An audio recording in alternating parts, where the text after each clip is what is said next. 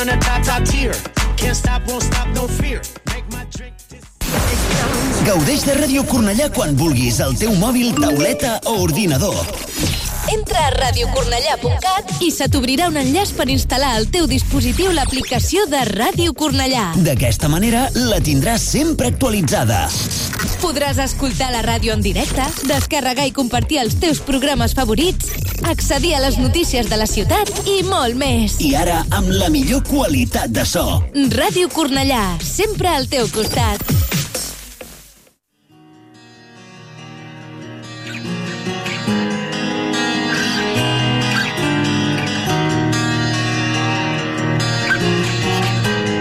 En Radio Cornellá comienza el octavo día. Lo mejor del metal.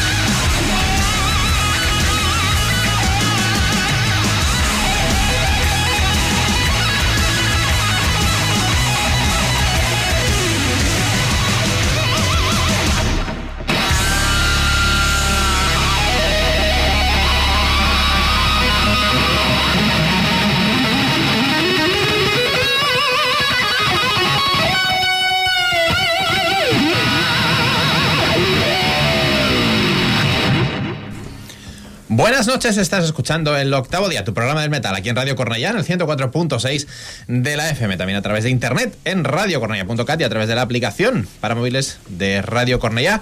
Saludos de Dani Ruiz, quien te está hablando ahora mismo, 9 de la noche hasta las 12 en directo para traeros lo mejor del metal. Hoy con el estudio 1 a reventar, solo nos falta por aquí.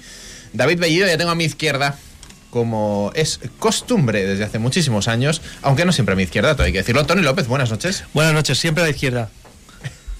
Siempre que se pueda, claro. Exacto, exactamente. Y a mi derecha, eh, diría que por primera vez en este 2023. Alfonso Díaz, buenas noches. Por primera, no vamos a entrar en política por primera vez a la derecha. No, me... no. circunstancialmente a tu derecha, Dani. Correcto. Eh, dispuestos a hablar de metal largo y entendido y repasar un poquito la actualidad. Y bueno, muy contento de estar aquí con vosotros y creo que sí, que por primera vez en este 2023. Así que un saludo a toda la audiencia. Mucho metal y mucha zapatilla, seguro.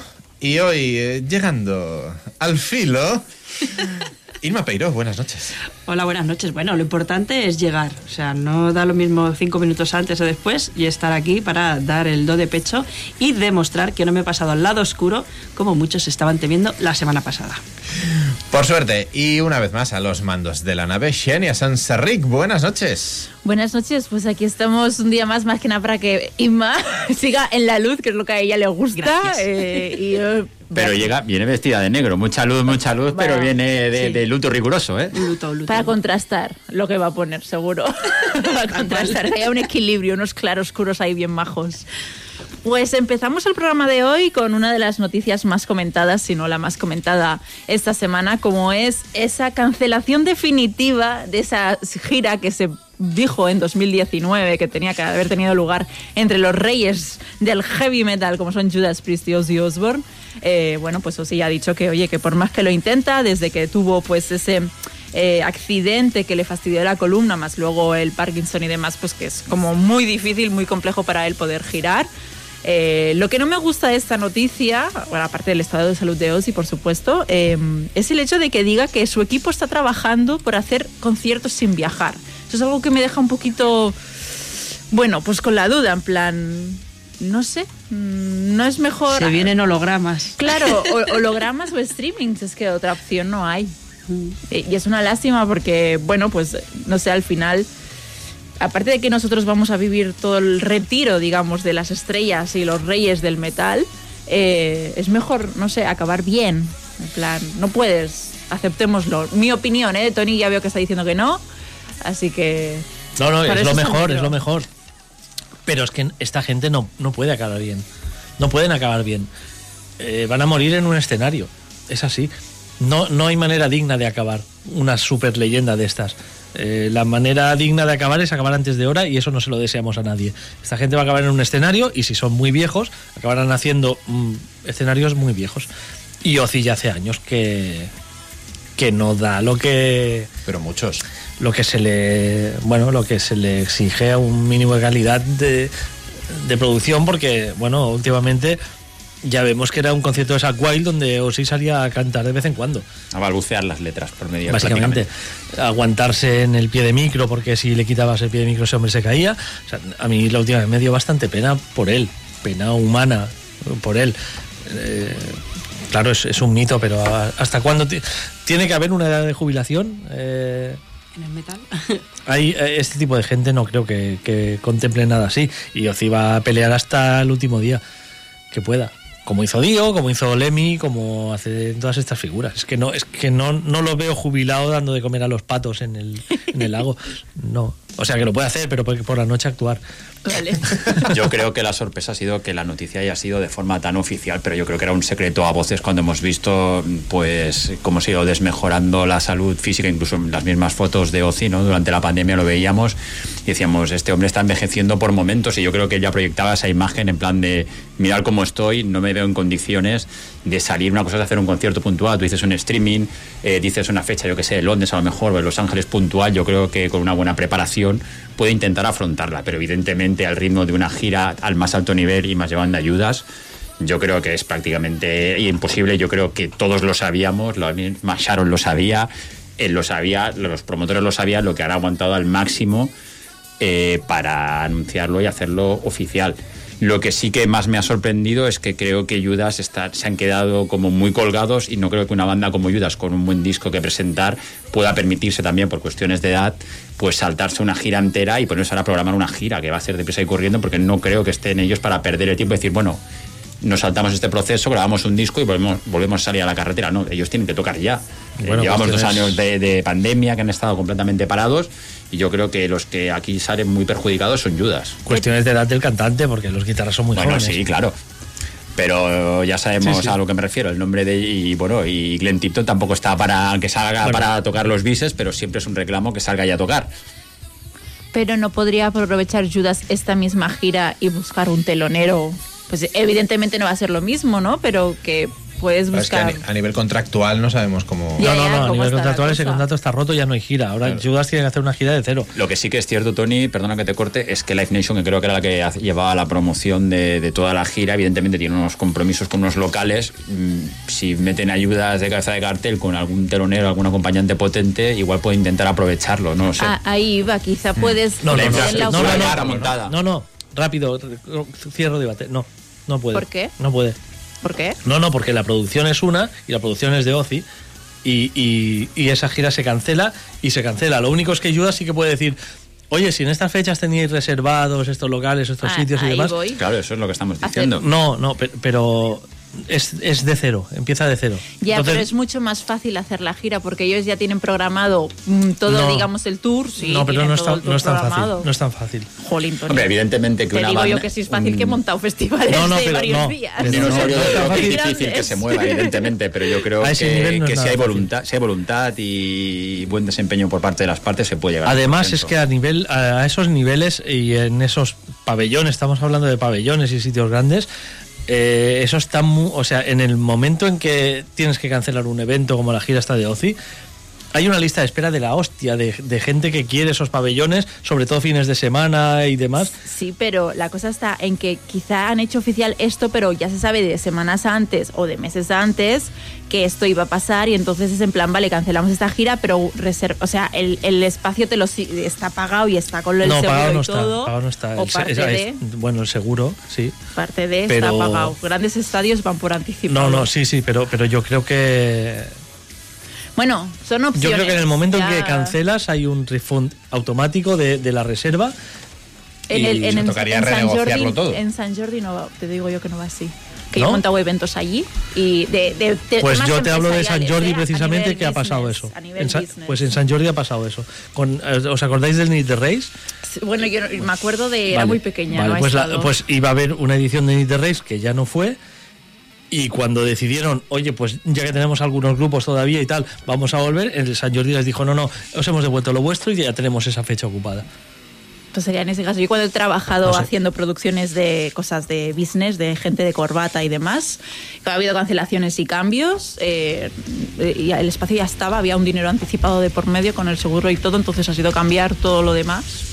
Entonces es, es lo que dice Alfonso, eh, o, todo, a ver, cada uno tendrá su casuística, sus contratos y eso sí que no lo sabemos, pero pueden hacer oficial ahora esto, pero que lleven semanas por atrás trabajando. Y otra cosa es, ¿qué es lo que le pasó a the Race estos? Que no iban a llenar un San Jordi. Bueno, ni lo llenaron con, un, con el primer cartel, ni lo iban a llenar después. Eh, Judas puede tocar en los mismos sitios que, que iba a tocar Ozzy. Esa es otra. Claro, es que igual Judas en un Wizzing no te lo, no te lo cubre. O un San Jordi. Judas lo veo más de un San Jordi Club que no de un Palo San Jordi. Bueno, también habría que mirar la compañía que les ponen, igual pues hacer un mini festival, no lo sabemos. Es que claro, es lo que, lo que hablamos. Es complicado, Si, si eh. consigues mantener la reserva de los locales, ya es lo que, Claro, le, pero- lo que le pongas tú para movilizar al público. Pero no está- yo creo que no estamos hablando de- del mismo tipo de evento. ¿eh? Eh, está en un nivel mucho más alto a nivel de, de eso, de, de venta de localidades y de, y de gente a la que congrega. Y Judas está un peldaño debajo de, de Ozzy en ese aspecto, creo. No creo que puedan mantener los, los locales en los que tocaba Ozzy por el mero hecho este de que, de que seguramente lleven a menos gente y por lo tanto los costes de producción haya que rebajarlos, creo yo. Bueno, sea como sea, estaremos a la expectativa porque algo se moverá seguro, porque ya te, ya te digo que yo no creo que Judas No, no, pueda Judas tiene que permitirse salir. el lujo de, de perder este, este Evidente. Hombre, Halford realmente si quiere ser influencer del metal lo puede hacer porque su Instagram O sea, poniendo aquí un poco la coña ¿eh? a- a- al tema, es lo más. Está muy activo en redes, eh, muy gracioso también. Bueno, y, y llenaría locales gusto. entre metaleros y gatitos, igual nos, nos abarrotan. pues sí, pues sí, oye, eso hay que tenerlo en cuenta. Dicho entonces, ya- dicho esto, perdón, y antes de proseguir con el metal, recordamos que estamos en redes sociales, que son Facebook arroba el octavo día 8, Twitter arroba el octavo día, Instagram arroba el octavo día 8, canal de YouTube arroba el octavo día 8, donde tenéis el vídeo del top de enero, lo mejor del metal en enero. Estamos en TikTok arroba el octavo día 8, cada vez nos seguís más, eso nos gusta. Y, creo que ya he dicho todo. No estamos en Real, no estamos en, en Reda, que es la, el Tinder de los famosos. Ahí no estamos. ¿Cómo que no Re- estamos? ¿No bueno, bueno, yo no estoy porque no tengo tu nivel, Tony. No Los tengo tu nivel ni tu caché de información para estar en, en- en- en Tampoco he esa dicho red. este, no he dicho este. Ya, ya, ya. Seguimos con más metal, chicos, chicas. Bueno, empezamos con, con metal. ¿Cómo porque que? empezamos. ¿Y sí que? Hemos hecho la charlita, la- el debate. Y yo sí que lo dejamos ahí de charleta. Ya jubilado.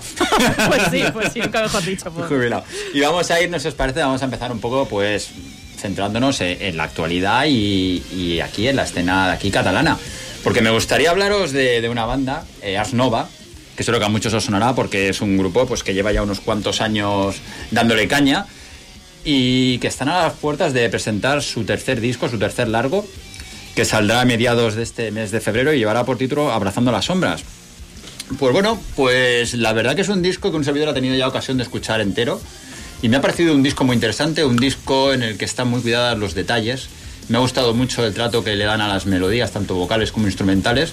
Y realmente yo creo que es un disco que, que va a dar bastante que hablar durante los próximos meses entre la gente que le guste ese estilo de mitad de camino entre el heavy metal, el power metal, algún toque progresivo.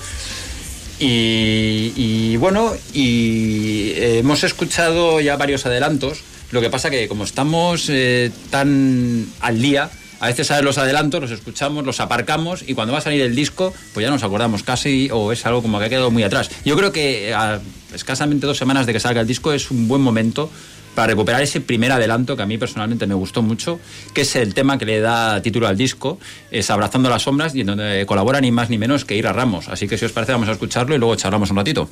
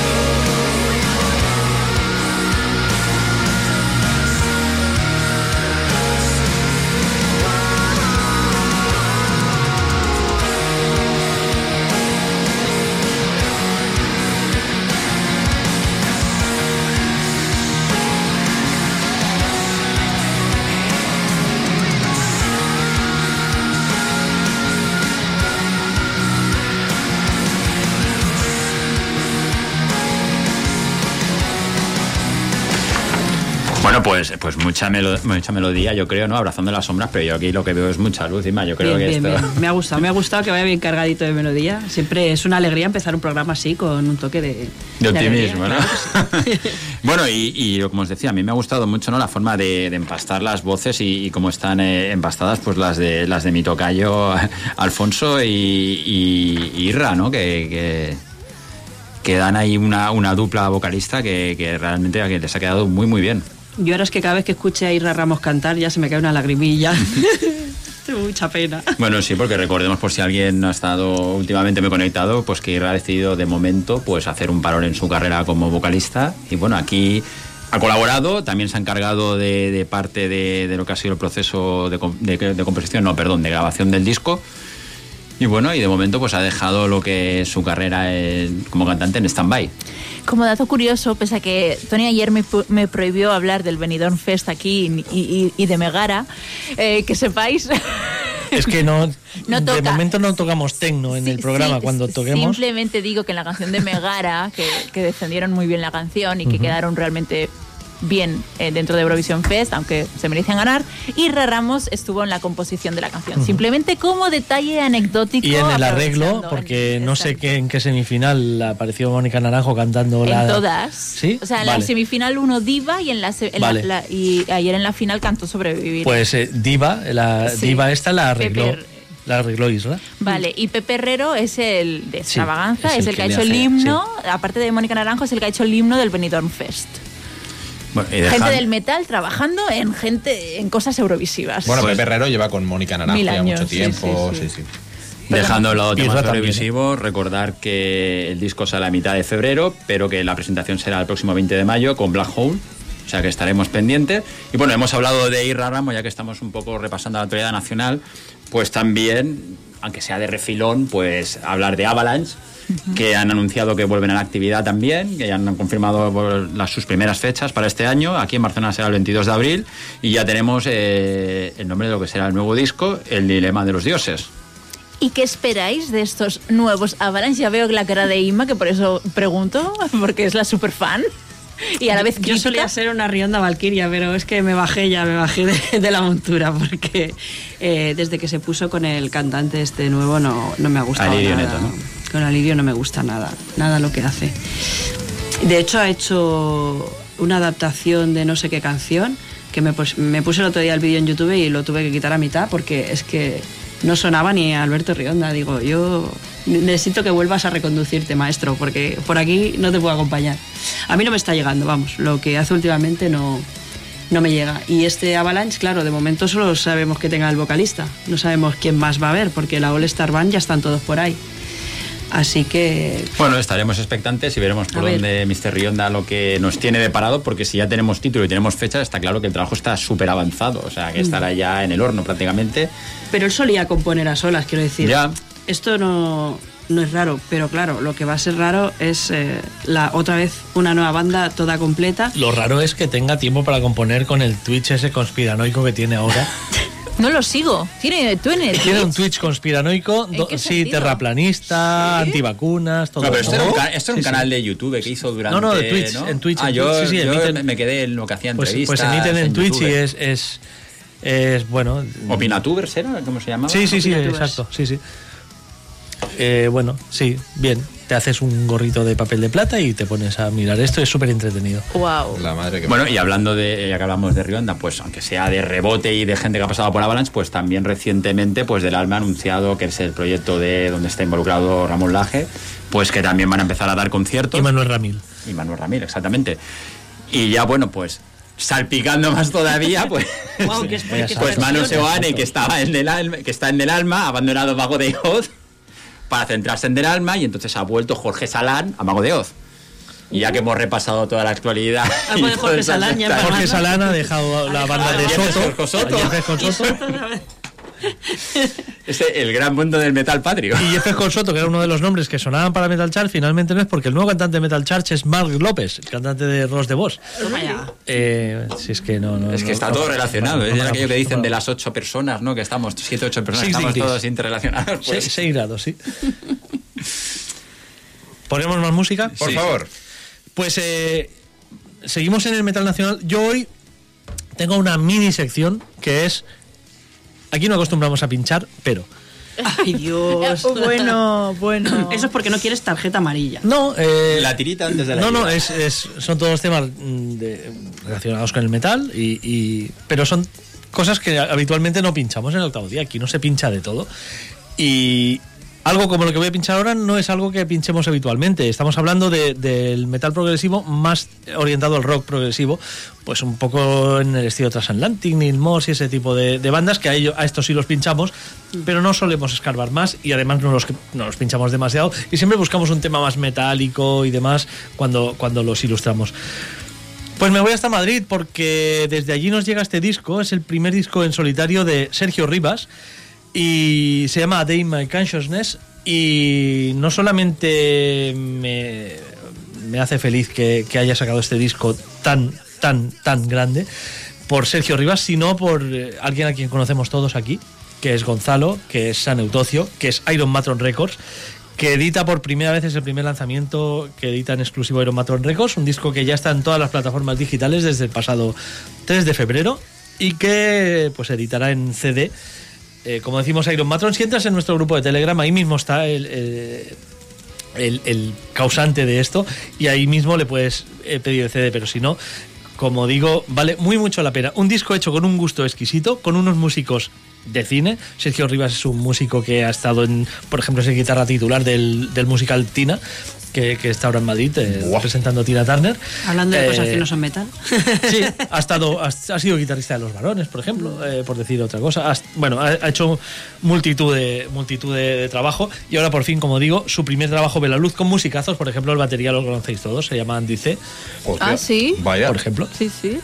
Eh, músicos tremendos, como digo, y os dejo con un trozo, porque es cierto que en este estilo las canciones acostumbran a ser muy largas y eh, no nos vamos a comer el programa. Esta es muy larga. Esta es muy larga, pero vamos a escuchar el comienzo del tema Legacy, es el que prácticamente cierra el trabajo, que además, a mí personalmente, cuando empieza este comienzo, me- suena a Crown of Tuscany de Dream Theater por todos lados. Esa guitarra acústica con ese solito y cómo entra toda la banda. Pero bueno, lo escuchamos y, y veis la calidad de este trabajo de Sergio Rivas, Legacy desde A Day in My Consciousness.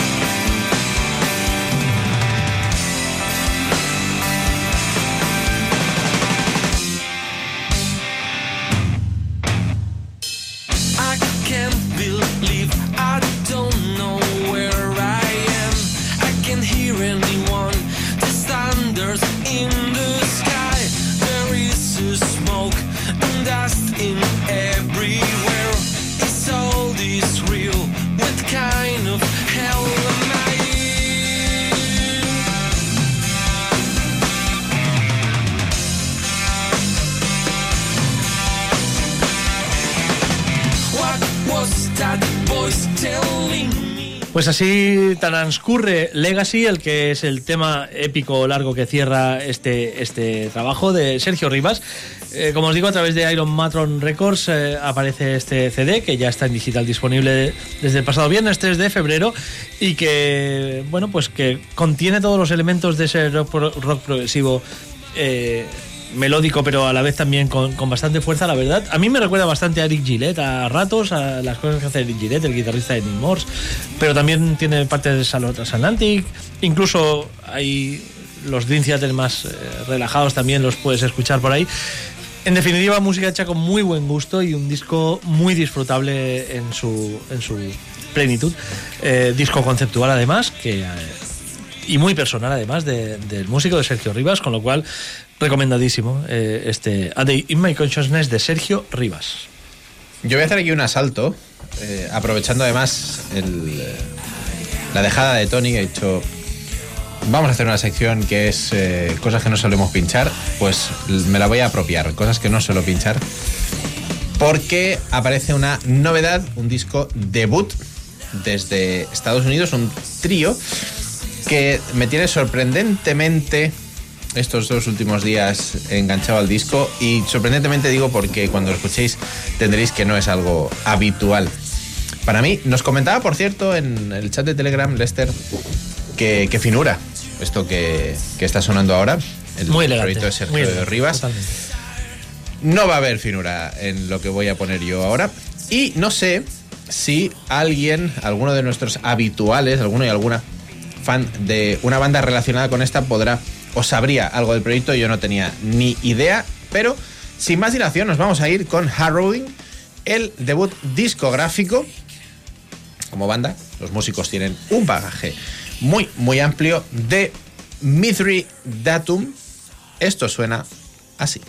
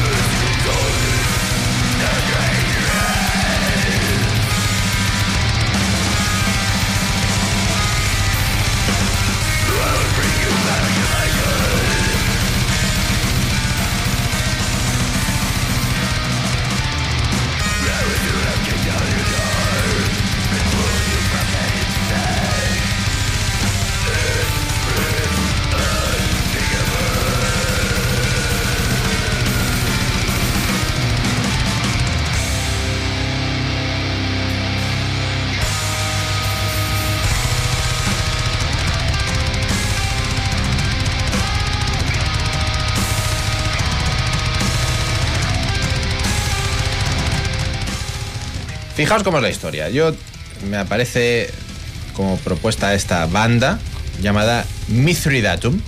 Yo pensé, ¿Mithri? ¿Mithri? Mithril, como el eh, metal que se utiliza en El Señor de los Anillos. Os juro que fue así. Y dije, bueno, pues voy a apuntarme el disco, un disco debut. Y así ha sido. Ya veis que no engancha nada con lo que yo suelo traer al octavo día, pero no me preguntéis por qué. Escuché el tema que abre el disco, que es este que está sonando, Sojourn, y me atrapó en toda esa densidad y no me he podido de- despegar de momento. Decía, eh, o le echaba el guante a alguno de nuestras oyentes y a alguna de nuestras oyentes, porque aquí hay dos miembros de Erzebet, como son Lyle Cooper y Marlon Friday, además de Jeffrey Fico, al cual no tengo el gusto de conocer, y es el que pone las voces. En cualquier caso, Los RCB de Barcelona. no, Ah. no, no. Pero me ha hecho gracia que Ah, tocaran en un grupo llamado Vale, vale, digo mm, que yo. Estos no son de Barcelona, son de un poquito más lejos, son de San Antonio, Por eso, por Texas. Pero me ha hecho gracia, digo, a ver si. De San Andreu, digo. Hubiera molado un montón. lejos. Esto de, como, me gustan los RCBT aquí, a ver si hay unos RCBT fuera. Sí. Pero en cualquier caso, eh, Mithridatum con esta propuesta, debut, Harrowing, son solo seis temas, largos, densos, todos como el que acabamos de escuchar. Pero a mí me tienen ahí muy pegajoso, Hombre. lo cual es sorprendente. A mí me ha sorprendido que pongas algo así. Porque Y a mí también. Existen El muchos grupos que hemos pinchado del rollete. Sí, y que no te han gusta, encajado. pero- Y estos están no sé. encajados. No, no, se le está viendo el plumero a Dani, que como dijeron buenas cosas de lo que pinché la semana pasada, pues tiene un poco de Tiene envidia. Es la envidia, es la envidia totalmente. Quiere que le digáis cosas en realidad bonitas. me parece así que una gente del chat, venga, ya, por favor. ponerle cosas bonitas a Dani también. Que Por favor, por favor. Lo necesito. Pero bueno, ahora viene Inma para arreglar esto.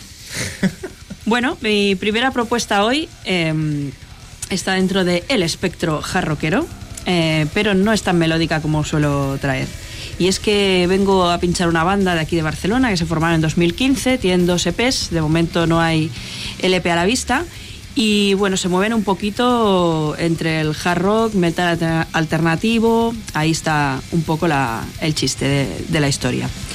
Em, a mí los primeros dos trabajos me, me resultan a menos de escuchar, pero no tienen tanta fuerza y traigo el single este nuevo que han sacado porque me da como un hilo de esperanza que creo que, que van a reforzar el sonido, van a ser más metálicos en, en el próximo disco, todo y que no, no tenemos eh, noticias, o yo no- al menos no, no tengo noticias de, de que vaya a salir pronto o de alguna fecha o de título de disco, lo que sea.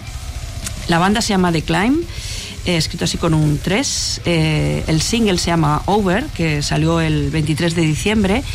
Y bueno, eh, en, esta, en este tema viene colaborando Mario Lérida, que es el cantante de Boludos Death. Y también a la producción tenemos a Ratache, que aprovechando que el Pisuerga pasa por Valladolid, es la batería de Megara, que no vamos a hablar del Benidorm Fest, ¿eh? esto totalmente prohibido, pero es la batería de Megara y es una gran productora musical y una gran batería y bueno, pues quería aprovechar para dejarlo dicho también, así que os pinchamos el tema de The llamado Over.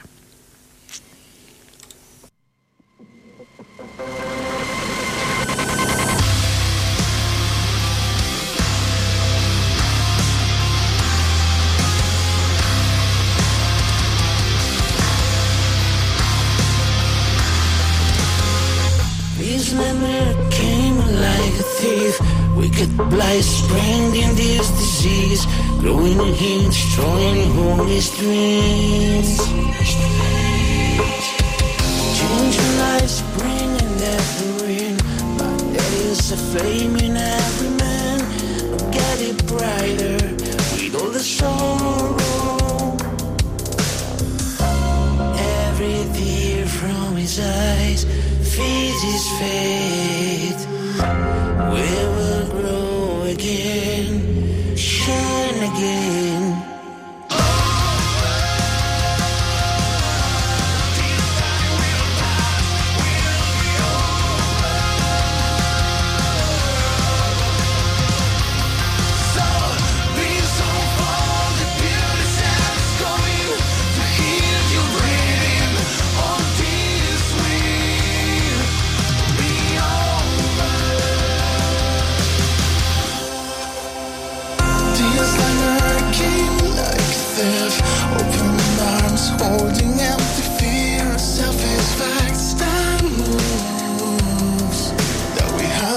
yeah.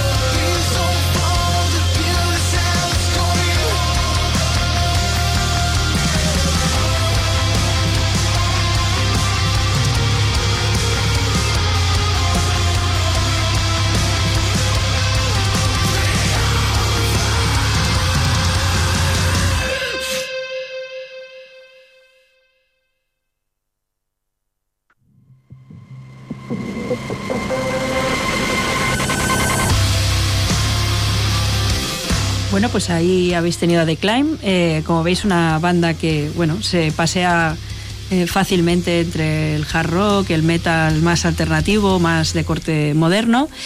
Em, la banda va a estar, aprovecho para decir el concierto, que van a estar el viernes 21 de abril, queda mucho, en la Sala Bóveda, em, junto a Immune.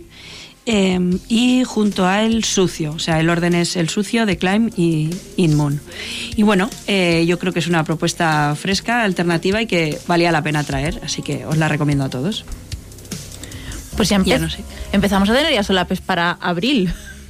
Porque esa semana me suena que hay varias. Está cositas. cargadita. Una pregunta. ¿Immune es la banda de, de Morty, el que era del, del fantástico Hombre Bala? Pues no sé quién ¿Esto- está ahora cantando. Era antes había una señora, pero ahora no sé cómo quedó porque ella se fue. Puede ser, ¿eh? Puede ser porque la cantante se fue. De hecho, estuvimos en estuve con Mónica en uno de los últimos conciertos de la vocalista. Puede ser que sea el que está muerto ahora. No, no, no. Esta banda siempre ¿No? ha estado Morty, o sea que no son Ah, pues entonces no. No, no. Pero bueno, veremos. El 21 de abril, semana solapes 2. Bueno, el- tenemos varias semanas solapes, pero oye, cada uno lo bueno que hay para escoger y cada uno escogerá lo que a lo que quiera ir.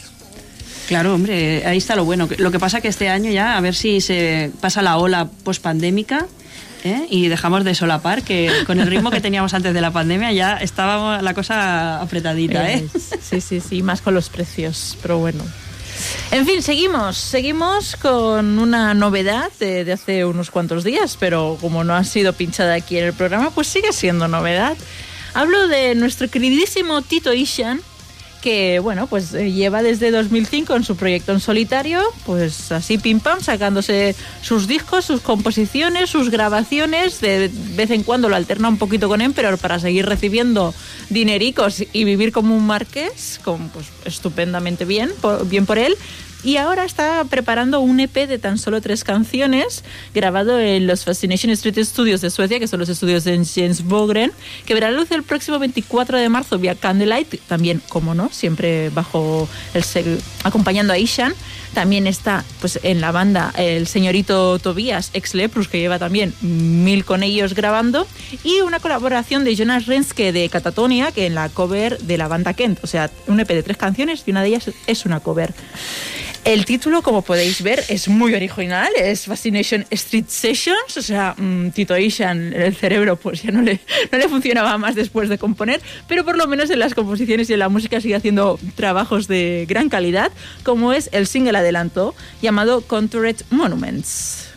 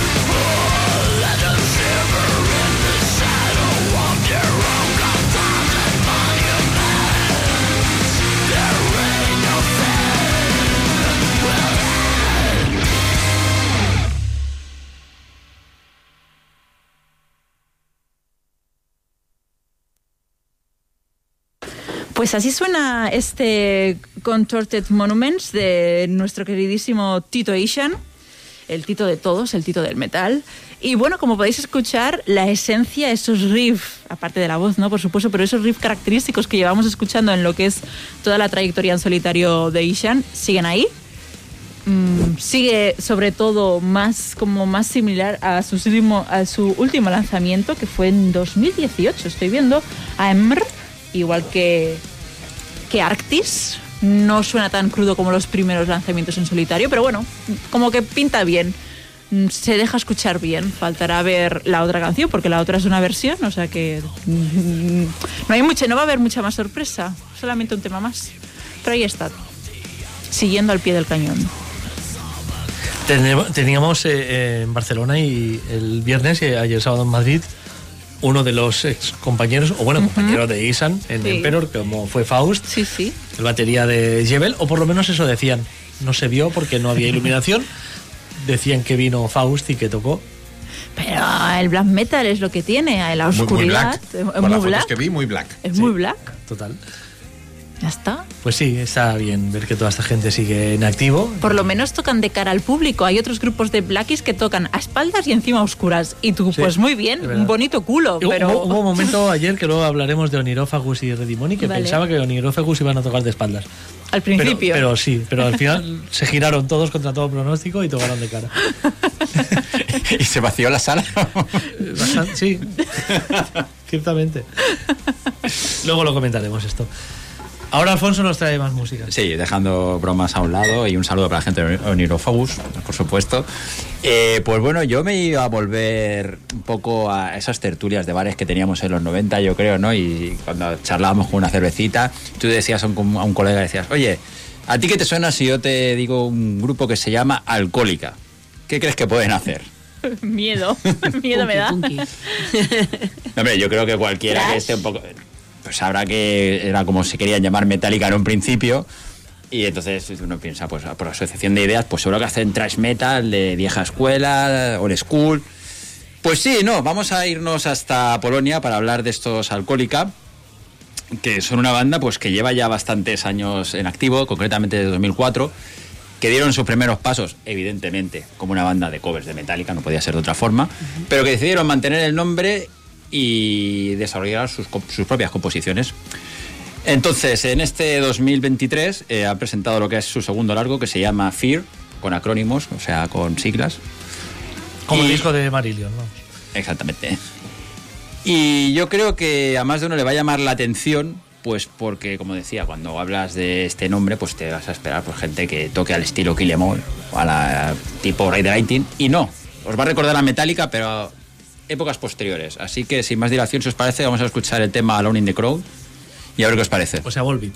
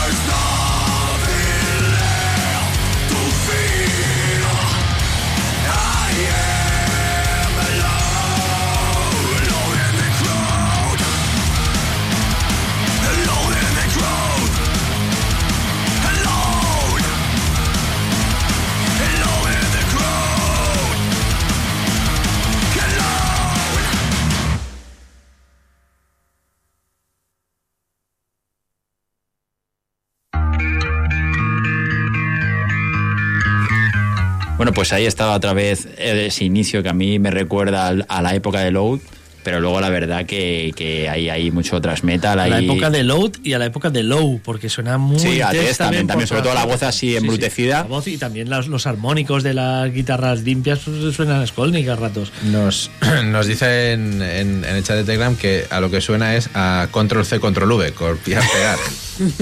también, también. Pero bueno, también, también. Evidentemente las influencias son, son muy claras, son muy notorias, pero bueno, es una banda que yo Nunca creo ha que pretendido merece- ocultarlo, ¿no? Hombre, ya es lo que... Es más, eh, Dani, ahí te muestro el logo de la banda, yo creo que es inequívoco. Blanco y en botella, alcohólicos, sí, sí. O sea, incluso las mismas letras, las dos As, pues te recuerdan a, a Metallica. Una banda con una propuesta interesante, evidentemente no van a ser la quinta esencia del thrash metal, tampoco creo que lo pretendan, sino una colección de de 10 composiciones, 9 y un, cover. Por cierto, bastante curioso el cover final de los Everly Brothers. Y pues eso, muchas pinceladas traseras, yo creo que más bien orientado a las sonoridades noventeras, tanto como decíamos de Testament como de los propios Metallica. Incluso me atrevería a decir que hay algún guiño al último disco de, Metallica, ese Hardwire to Self-Destroy. Y como os digo, recomendable este Alcoholic Fear, al que quiera pasar un ratito con un trash metal que no es el típico zapatillero que puedo pinchar yo, pero que tiene velocidad, tiene contu- contundencia, sin perder melodía. Ahí pues queda. eh, me alegro que me lancen ese guante desde el chat. Porque sí, control C, control V es lo que vamos a escuchar ahora. No suelo pinchar. Y es que hoy eh, os recuerdo que estoy enfocado a cosas que no suelo pinchar. No solemos pinchar tributos. No solemos pinchar versiones habitualmente. Me estás asustando. Mm, lo que sí solemos pinchar es eh, material de Frontiers, como es el caso, y lo que sí solemos pinchar es a Ronnie Romero, porque casi cada banda que te cruzas Bueno. acaba cantando Ronnie Romero. Yo lo tengo medio cancelado, ¿eh? ¿Lo tienes medio cancelado? Sí. Pues más lo vas a cancelar ahora porque, Vale. va- porque vamos con una versión brutalísima. Heavy, eh, Race It on Heavy Radio, eh, el pasado año eh, nos, nos ofreció un disco de versiones llamado Race It on Radio, con temas más, eh, bueno, con temas asequibles o más poperos o más, bueno, de, la radio tradicional. Y ahora contraataca con Race It on Heavy Radio. ¿Qué es esto? Es una compilación de temas que a él le gustan de diferentes estilos dentro del metal y que como puede los canta. Y tenemos cosas tan locas como que además tampoco coge la canción tipo de, de la mayoría de grupos. Por ejemplo, de Judas coge el Turbo Lover, de Purple coge The Battle Rage Is On. eh, mete una de Masterplan acá en Hatter Light, por ejemplo, que es una, es una elección brutalísima, por ejemplo. O sea, no todos son cosas antiguas. No More Tears, que hablábamos antes, ¿no? No More Tears de Ozzy, Fast as a eh, Shark. Aladdin the Black de, de Rainbow, Fast as a Shark de Acep, esta quizás sí es la más típica, de Shining de Black Sabbath, de la época Tony Martin. De Four Horsemen también. De Four Horsemen, que seguramente es la sorpresa, hace una versión de Metallica de, de- de su primer trabajo, eh, pero como lo puede cantar, pues la mete y fantástico. Además se ha rodeado de, de tremendos músicos, guitarras de mucho renombre y demás. No tomo Wakai, por ejemplo, Chris Caffery, en fin, eh, gente con la que ha trabajado en otros proyectos, pero yo me quiero quedar con el segundo corte de, de este disco. Si antes decíamos que Mark López es el nuevo cantante de Metal Charge y que quizá ahora tiene menos tiempo para Ross de Vos, si Ross de Vos quiere sustituir a Mark López, que tome nota, porque el segundo corte de este He- Race It on Heavy Radio se llama Metal Days y es original de Manowar. Este es Ronnie Romero.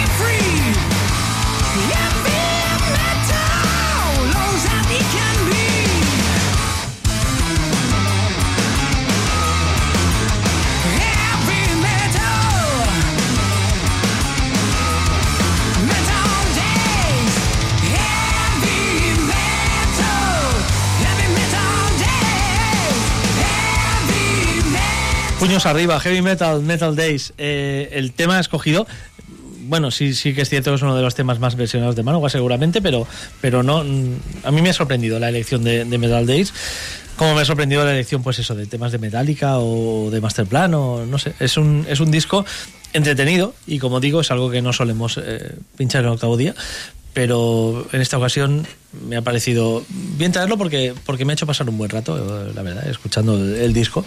No será un disco seguramente que se una a mi colección porque ya tengo todos los demás, o sea, todos los originales de esto en sus correspondientes discos, pero, pero bueno, es, es otra manera de, de enfocar una carrera, ¿no? Seguramente, porque ahora lo hablábamos, Jorlande, que seguramente sería el espejo en el que se puede mirar eh, ahora mismo. Si, he si bien Jorlande nunca acabó cantando en Whitesnake, si bien si en, en The Company of Snakes, hubiera sido el siguiente paso, pero Coverdale no está por la ojo, que igual lo contratan también para tocar Bueno, otros sí, teclados se- también. Será, será- será por cantantes en Whitesnake está ya tiempo. canta todo el mundo menos Coverdale. Pues eh, bueno, es una manera de enfocar la carrera y de ir sacando discos. Mm, Creo que cuando tienes este nivel que tiene este hombre vocalmente y puedes cantar lo que quieras, pues siempre te hace gracia, ¿no? Cantar las canciones que con las que has crecido o las que te han hecho un poco. Y estamos en esas ahora mismo. Entre proyecto y proyecto, pues ha encontrado hueco para sacar estos dos discos. Pero ya os sí digo, no me es algo... sorprende que precisamente estando en Frontiers, que es la factoría que, en la cual Alfonso siempre me está recordando que son todo proyectos, tienen compositores a mansalva, tienen guitarristas a mansalva, lo que tú quieras, teclistas, Sí. eh, todo. ¿Por qué haces versiones, tío? Porque ya también hace lo otro. Es que no tiene Pero ¿No os sentido. parece que esta sobreexposición de con tantos proyectos puede ser incluso contraproducente para su carrera? No lo sé, eso lo verá, lo verá el tiempo. yo creo que pero- sería para hacerlo en directo, porque si no, todos podemos entrar en internet, ¿no? El que nos dijera y acertara cuántos discos puede haber grabado este hombre en los últimos cinco años. Bastante, pero por ejemplo, ahora hace un año exactamente que salía el último de Ferryman. A mí me parece un disco increíble, todavía hoy lo escucho ese disco, tiene un año. Y es un proyecto de estudio de, de tres cracks de Frontiers. Pero bueno, el, el- el ser niño mimado de Frontiers también eh, tiene eso, ¿no? Que puedes decir, eh, cojo estos músicos y saco esto. Y Frontiers ya le va bien porque el coste de producción es mínimo. Y es otro disco que, mira, lo que venda, eso que se llevan. Yo, yo lo estaba enfocando también de cara a los directos. Es decir, esto lo puede llevar Ronnie al final, que es lo que necesitas por la voz y por lo, digamos, característico que puede hacer esta las, las versiones. Coges a tus colegas que se saben tocar bien los temas, no hace falta que sean famosos, y es uno más para actuar en el Rockfest. Y la gente va a ir a verlo porque toca versiones, porque Y a es Ronnie Romero. sí, sí. Exacto, entonces te sale barato y Sí. llenas el hueco. Sí, ciertamente, visto desde esa perspectiva, no sé, no sé si está enfocado hacia ahí, pero.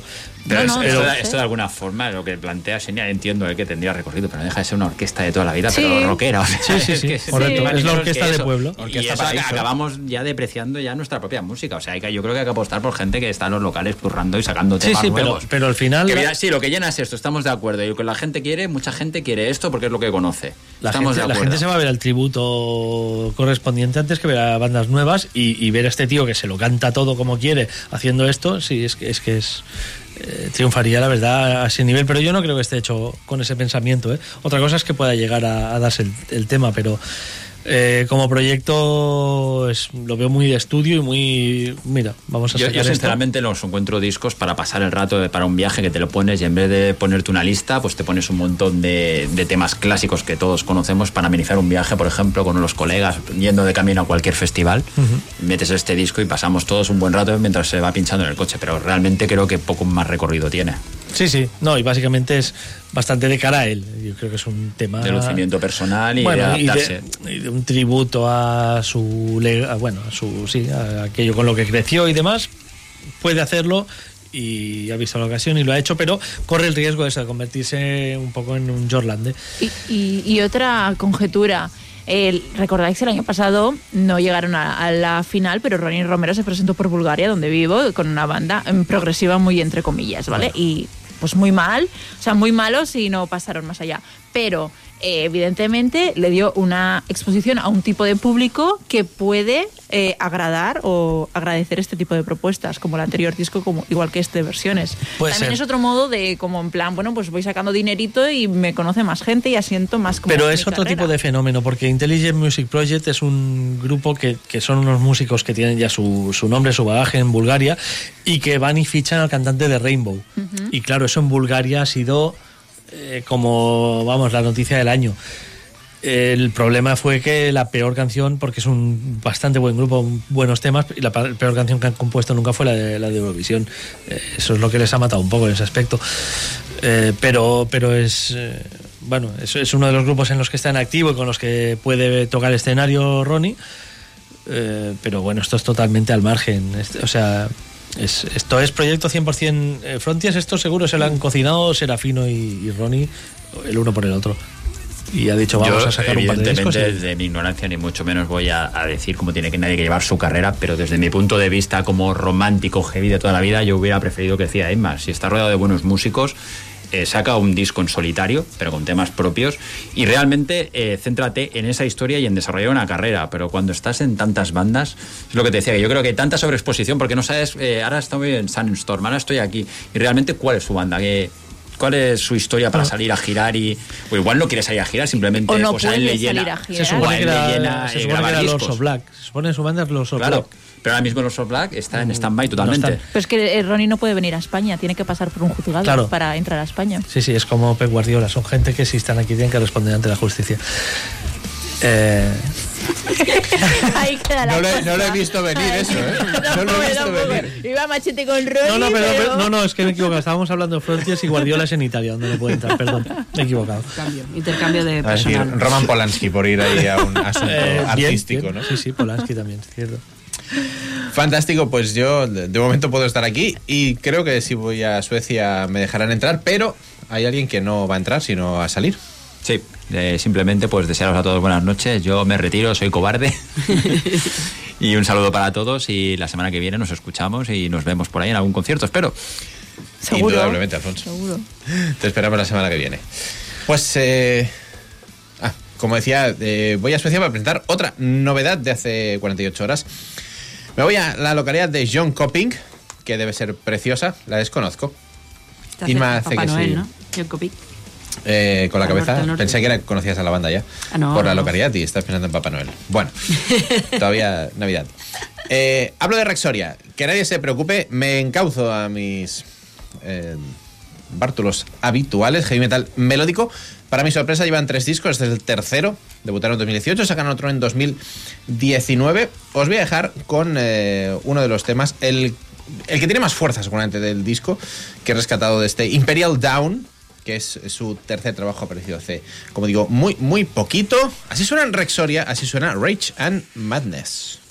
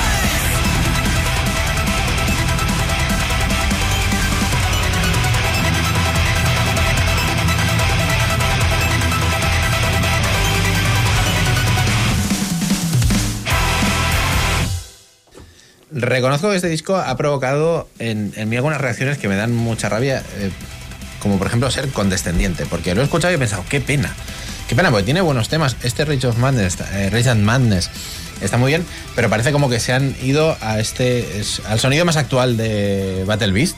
Te iba a decir, digo, a mí me Tal Battle Beast. Sí, pero, pero a los de ahora. A los de ahora. ¿No? Mm.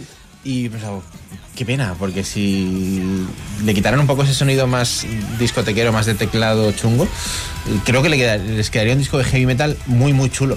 Pero esto lo, lo acaba eclipsando todo. Este es el tema donde menos se da y, y de verdad es que hay algunos temas que me recordaron mucho, Tony se acordará, porque andábamos por aquí los dos cuando apareció aquel Once de Nightwish que empezaba con el I Wish I Had an Angel, que decías, hostia, sesión en chasis eh, Mataró, Sí. ¿no?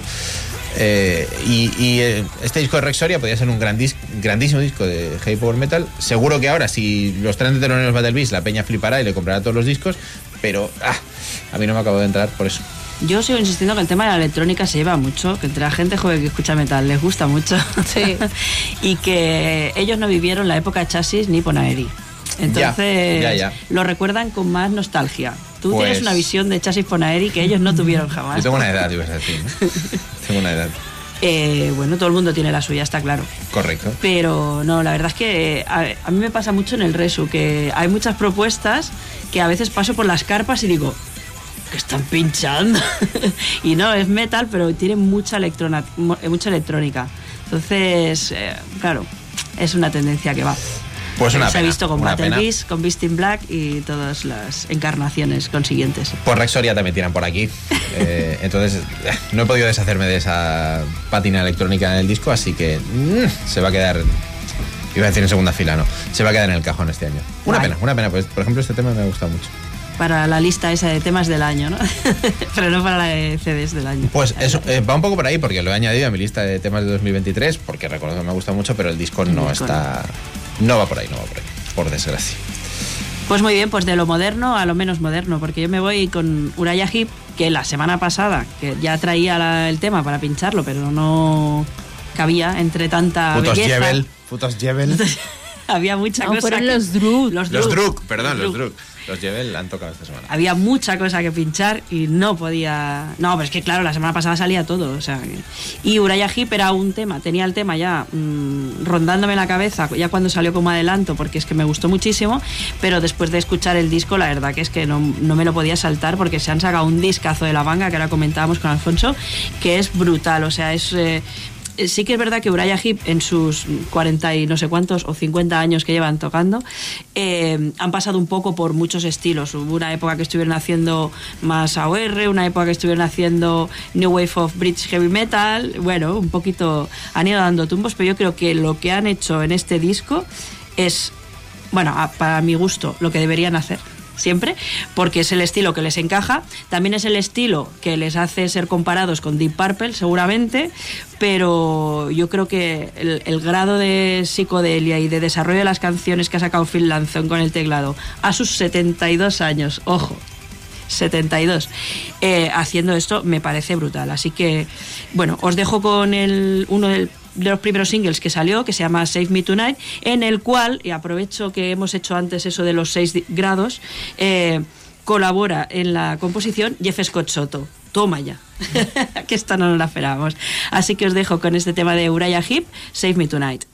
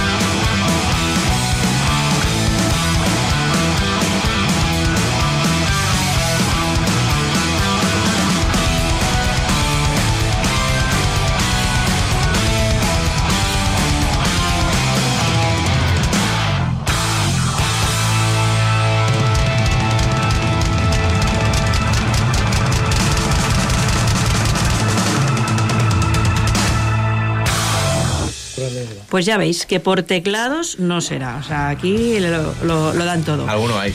Banda formada en 1969. Bueno, eh, habían, se habían juntado antes, pero eh, en el 69 fue cuando se pusieron definitivamente el nombre de Uriah Heep. Y este viene siendo su 25, ¿cómo se dice? Vigésimo quinto. Vigésimo quinto 25 eavo. 25 25 eh, álbum de estudio. Yo qué sé, tío, yo me saco el sombrero, eh, la camisa, lo que haga falta. Es que esto, esto es una pasada. Es un discazo desde la primera nota hasta la última, así que no me lo podía saltar. Y aunque vengo una semana tarde, lo tenía que traer. Mejor tarde que nunca, oye, ya está. Ya está.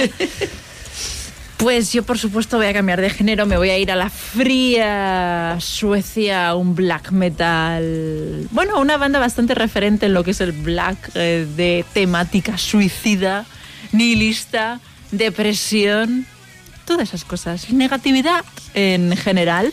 Y es que Shining, los suecos, son un Qué referente en Niklas. mira. Qué bien que pinchemos Shining y yo una después de la otra. Shining los suecos, hay Shining los noruegos, que Bastante distinto. bastante distinto que Jorgenes lleva ya tiempo actuando con Emperor en directo como música de sesión y luego a nivel musical y estilístico ha cambiado muchísimo. Pero en el- los suecos, los que vamos a hablar hoy, son un referente dentro de este black metal pues tan mm, positivista, como podemos Eh, ver. sí. Y Niklas, eh, nuestro amigo Niklas, eh, un personaje eh, muy querido y odiado a la vez, pero a nivel musical, pues el pavo se, se hace unas muy buenas composiciones y para ello quiero recuperar su quinto largo de nombre Halmstad, que vio la luz el pasado 2017, justo con el disco en que yo les descubrí y aparte les descubrí también en este boom donde estaba teniendo Niklas como personaje, más su sinfín de otros proyectos al respecto. Digo Niklas como personaje porque si no os acordáis, pues bueno, pues... eh, tiene unas actitudes y opiniones respecto a la vida eh, que, bueno, en directo pues hay mucha sangre, hay muchos escupitajos, hay mucho amor también. Eh, luego apareció Cristo, luego desapareció. Bueno, eh, se, se- se estaba encontrando Niklas en su momento, se estaba Vaya. experimentando para encontrarse que sí y que no, y eso pues eh, como eh, evolucionaba como persona. Pero la música, lo importante, vamos a este quinto largo, este Halmstad, que para mí me parece su mejor trabajo de largo, con un tema real, el single, lo que creo que es la canción que más he quemado de toda su discografía, que es Lat oss stat alt frat baranda.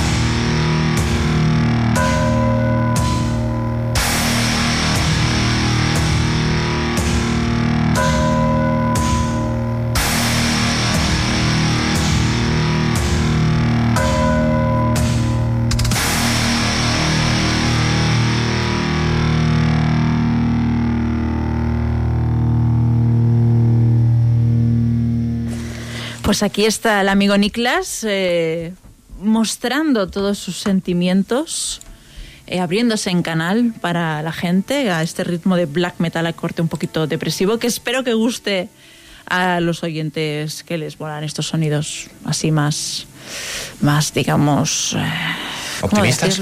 No, pero vale, lo dejamos en optimistas. No, pero, pero más aparte, o sea, a mí personalmente la propuesta y las cosas, los proyectos que ha ido haciendo Niklas, creo que tienen una gran calidad. Que no serán aptos para todos los públicos también, pero la calidad creo que está ahí. Ahí queda la cosa. Con los pasajes lacrimosa que me echan cara Tony. No, no, que a mí me encanta la lacrimosa. Voy Sí, a ir a verlos en mayo. Y eh, hablando de calidad, Tony. Hablando de calidad, eh, oye, eh, por cierto, eh, información de servicio y es que tenemos información fresquita de festival el veraniego en Barcelona y es que se ha confirmado por fin. Ya tenemos 100% seguro que cabeza de cartel de Ripple Jet Rock será Stratovarius. Unos Stratovarius que este fin de semana estaban en los premios EMA ah, nominados a Mejor Disco de Metal en Finlandia. Correcto. Eh, pues esos Stratovarius que en disco últimamente bien, este último quizá más flojo que los anteriores. Pero nos habían dado cositas muy chulas. Nos han dado cositas muy chulas en los últimos años. En directo, mm, muy flojos, pero yo confío muchísimo en Ripollet, en que ahí nos vayan a dar un, un muy buen concierto. Esperemos que la guitarra esta vez suene, no como la última vez que vinieron a Rockfest, que el guitarrista no sonaba, la guitarra no sonaba. Fue un concierto sin guitarra. me parece un gran salto y un gran fichaje para Ripollet. Totalmente, como cabeza de cartel del Ripollet es brutal. O sea que celebramos ello. Y nos vamos a otra persona que haciendo power metal en los 90 eh, vio uno de- algunos de sus días más eh, grandes. Vuelvo a salir de zona de confort, en este caso no tanto, pero sí que es verdad que pongo cosas que no solemos pinchar en octavo día. Y es que en octavo día no solemos pinchar temas instrumentales, discos instrumentales. Es bastante raro que pinchemos temas plenamente instrumentales. Y es el caso de Víctor Smolsky, un guitarrista el ruso que la gran mayoría de público metalero conoció cuando militaba en Rage. Algunos lo conocíamos ya antes de Mind Odyssey, por ejemplo. Muchos proyectos en los que ha estado involucrado. Y ahora nos saca un disco que se llama Guitar Force. Todo un. Bueno. eh, una declaración directamente de lo que vas a encontrar. Encontramos el tema Unity de Rage también en versión instrumental, aquí eh, cerrando este disco. Encontramos versiones de Bach, eh, como, como Saburé o, un Menueto también. Bueno, eh, incursiones en la música clásica para, para guitarra es algo que viene haciendo habitualmente Smolsky, nada sorprendente. Y encontramos una joya auténtica, no os la voy a poder poner completa porque dura más de 15 minutos, pero en medio del disco encontramos una auténtica delicatessen que se llama Wall of Inspiration. Esto es instrumental, esto es Victor Smolsky.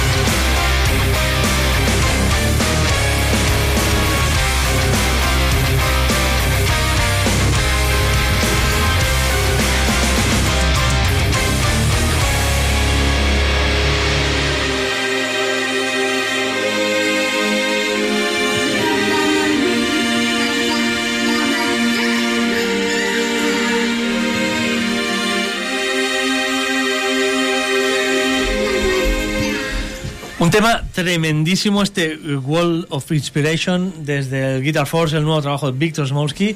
A mí me ha encantado, la verdad. Un disco que pasa volando, muy disfrutable.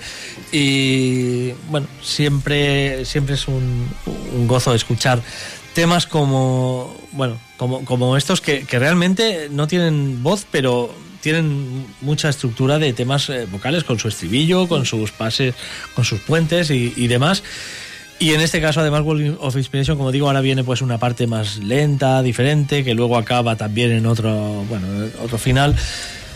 No sé si es un compendio de varios temas, porque por ejemplo el estribillo recurrente que escuchábamos ahora ya no vuelve a salir, cuando lo normal es que al final te esperes que regrese y demás y no vuelve a salir. No sé si es una ampliación o un, o un compendio de, de, melodías que ha juntado en un mismo tema. La cuestión es que es muy disfrutable y como digo, siempre con esos guiños a su pasado en Rage o en, en bandas de power metal y a la música clásica, que es, es algo que Smolsky lleva siempre, sí o sí. O sea que me recomiendas que escuche este disco. Es decir, cuando ha empezado la canción, el micro cerrado te he dicho, esto lo conozco yo, y me has dicho, es que te recuerda a la época Rage. Sí, el comienzo era, era época Rage, sí. Entonces, si a mí me gusta esa época de Rage con él ahí, ¿crees sí, que puedo disfrutar sí, de este Sí, seguro, disco? seguro. Porque además el último tema, como digo, es Unity, que es de Rage directamente, hecho instrumental. Lo que pasa es que escucharás el menuet de Buggy y dirás otra vez. Bueno, diré, pero es que es un temazo. No me lo hagas analizar otra vez, por favor. Vale. Disfrútalo, no lo analices, solo Exacto, lo voy a disfrutar y no lo voy a analizar. Sí, es un disco que a mí personalmente mucha gente utiliza la música instrumental pues para hacer cosas y tal, porque la voz no te distrae, la letra y demás. Y si ese es el caso, este disco más que recomendado, desde luego. Yo lo anoto en mis, eh, en mis quehaceres semanales. También digo que, que un disco instrumental también se puede escuchar solamente escuchando ese disco instrumental. sí, sí. Porque mucha gente lo tiene como esto, ah, como es instrumental puedo escucharlo mientras hago. O dedícate a él, yo me he dedicado a este disco y la verdad es que eh, ya está de camino la copia física porque eh, vale, vale la pena. A mí me ha gustado muchísimo, la verdad. Qué grande es Smolsky, madre mía. Yo me he trasladado hasta Alemania con una banda de estas que empezó hace ya bastante tiempo, 20 años, nada más y nada menos, y aunque no es súper prolífica, va haciendo, va haciendo carrera. Hablo de Chandria, una banda que en, en 2007 editaban un disco que me gustó mucho, Salomé, de Seventh Veil, y aunque es cierto que le estoy dando mucha caña al metal sinfónico últimamente porque me estoy desenganchando cada vez más, más, más y más, pero cuando Chandria saca disco siempre me paro un poquito a escuchar la banda de, de Napalm Records. Tony. Pero es que claro, estás hablando de un disco y una época de Sandria que es Sí, que claro. esa cantante es diferencial. Claro, claro, claro. Nueva cantante en este disco. En este disco, sí, señor. En este caso hablamos de eh, Ambre Bourbéis. Bueno, no, no tengo ni puta no idea. pronuncia conocía hasta, hasta escuchar Sí. este disco, no conocía Sí, nada sí. esta señora. así. Ambre Bourbéis. Am- hambre. Hambre, hambre. O hambre hambre. sin H. Amber. Ahora lo escucharemos No, no, no, y hambre. Hambre. Tenemos Ah, hambre, vale, hambre, vale. pues eso. Vale. Pero sin H. Que Mónica me diga cómo se pronuncia. Que por lo visto. Jebel. Jebel. es Amber. Jebel. Seguramente ya está mal escrito. Por su bien, espero que sí, por lo menos si viene a tocar a España.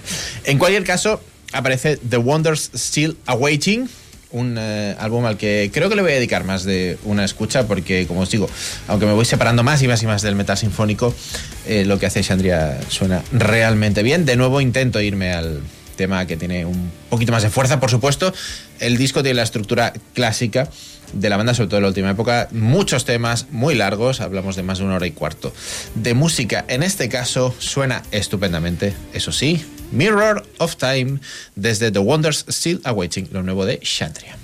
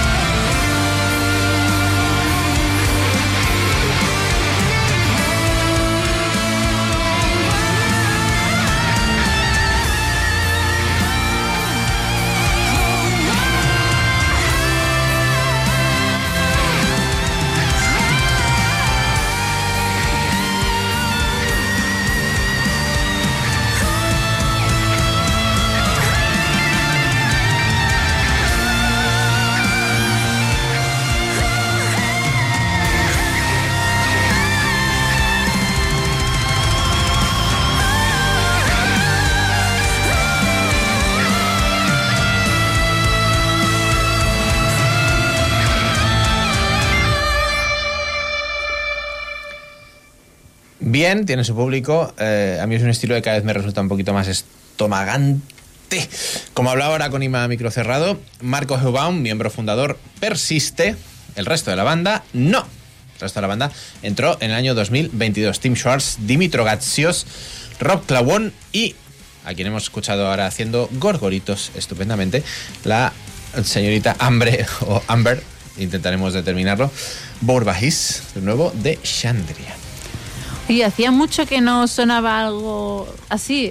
Es, cierto que había una época donde esto estaba como muchísimo más en auge. Yo es que lo voy evitando ya como la peste, pero mira, Chandria, No, y hay cosas buenas. Yo que sé, a mí recuperar discos antiguos de Tristania me gusta.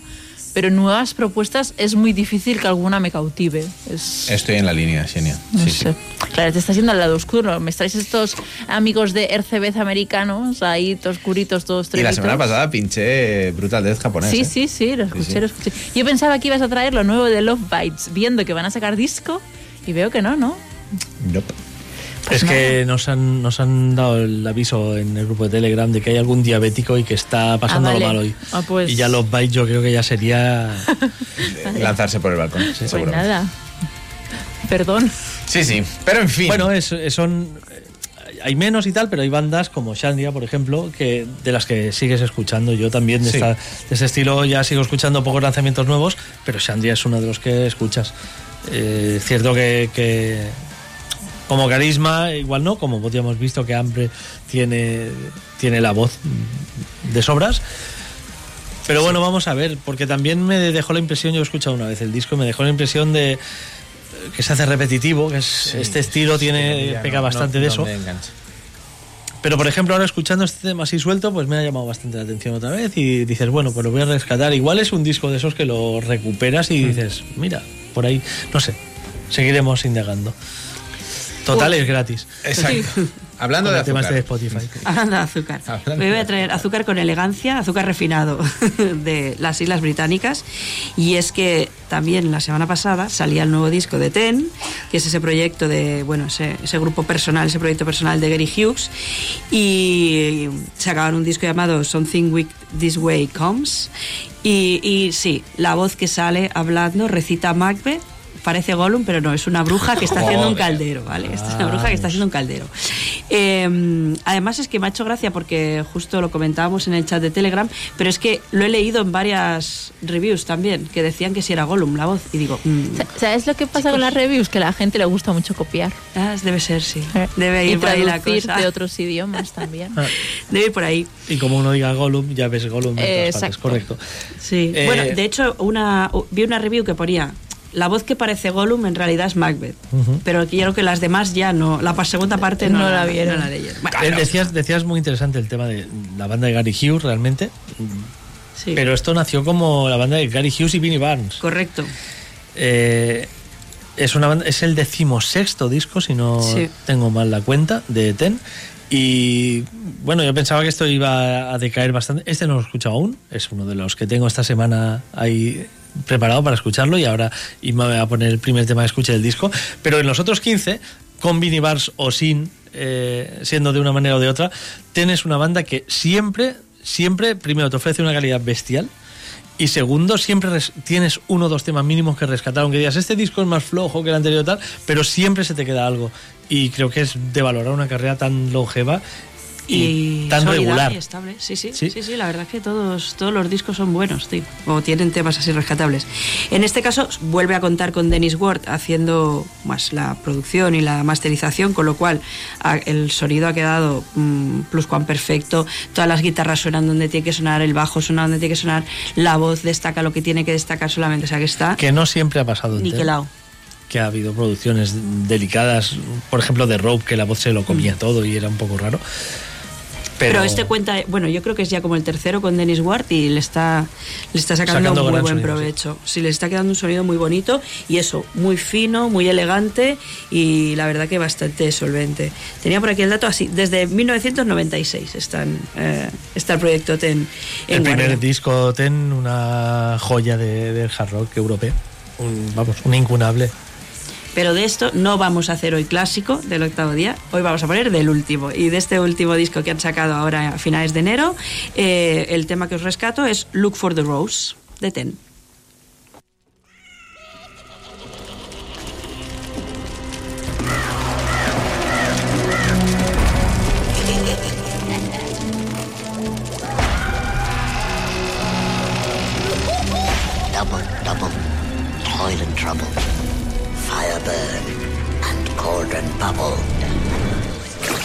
For a charm of powerful trouble.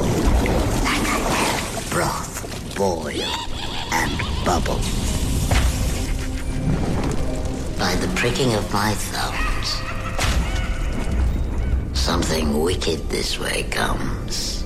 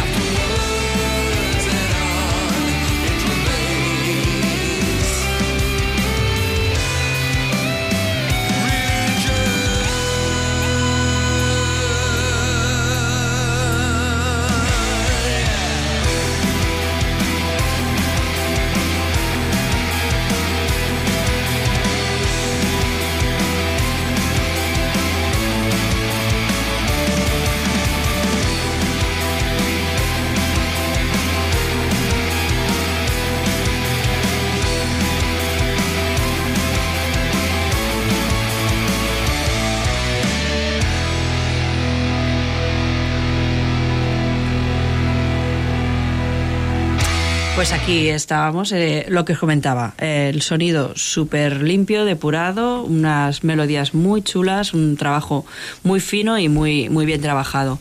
Tiene temas que están un poco más desarrollados, este quizá es el más radiable, pero eh, todo en general es, eh, se escucha con facilidad y, la verdad que es muy alegre y que, y que llama mucho además la historia de, de las brujas que van, de todo el embrujo que van contando a lo largo del disco, o sea que es, lo recomiendo totalmente escuchar.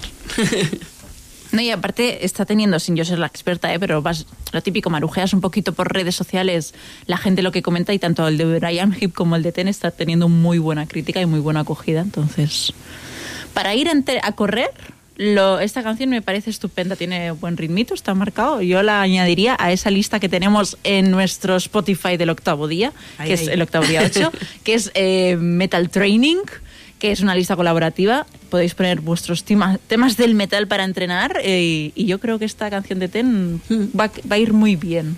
Tiene buen ritmo, tiene buen ritmo. Pues, Tony, ¿te parece que hagamos un mini repaso de los conciertos de esta semana? Digo, Tony, porque... Fantástico. Lo vi ayer, básicamente en un concierto, ¿eh? pero vosotros también podéis hacer el repaso. No, no, no, no. Vamos a repasar, Dania, ¿cuántos conciertos hemos ido tú y yo esta semana? Eh, Cero. Vale, ninguno. Ya está. Gracias por el espacio. Pues eso. ¿Qué, qué, qué te pareció? Eh, ayer estuvimos viendo a... Bueno, no sé si ha sido alguno más esta semana. No, no.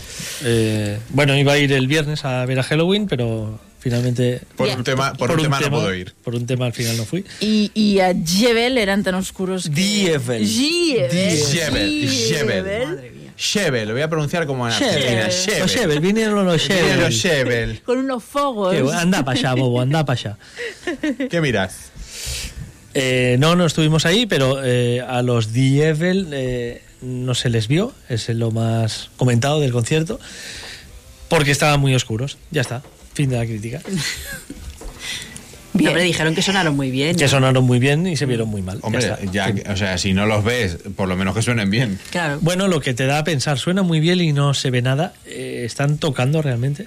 Oh. ¿O te han disparado el CD y como no estás viendo nada? Qué mal pensado. No, no, no, Bien no. visto, bien visto. Haré. Tony, no dices ninguna tontería. Bueno, eh, cuando vas a ver a un músico ejecutar, vas a verlo ejecutar si no también lo pasa puedes al ver. revés, porque también hemos visto músicos ejecutando mucho que estaba todo tirado desde la mesa. ¿eh? También, Sí, también. sí, sí. Más de un teclista corriendo hacia el teclado de estar saludando a la gente porque ha empezado el tema y él aún no estaba ahí. Sí, sí, sí. es verdad. es También verdad. lo hemos visto al revés. No sé si es un indicativo, pero bueno, eh, mira, si sonó bien la gente lo disfrutó, pues ya está. Para eso Perfecto. estaban conciertos. Ayer estuvimos en la sala Zowie o Garacha. ¿Eres de Galley... Gal- de Garacha, ¿De. Bass Galley Club ¿Sí? o Bueno, ha cambiado el nombre? Bueno, idea. en la sala Zowie Ni de idea. Hospitalet. La Zowie de, de- no de toda la vida, también hace No, poco. hace Yo no había llegado a ir. Yo sí, yo, yo en había llegado a tener.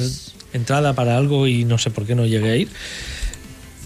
Hay una columna en medio, es lo más destacable de la sala, que si no te pones delante de la columna es bastante posible que la columna te tape la visión.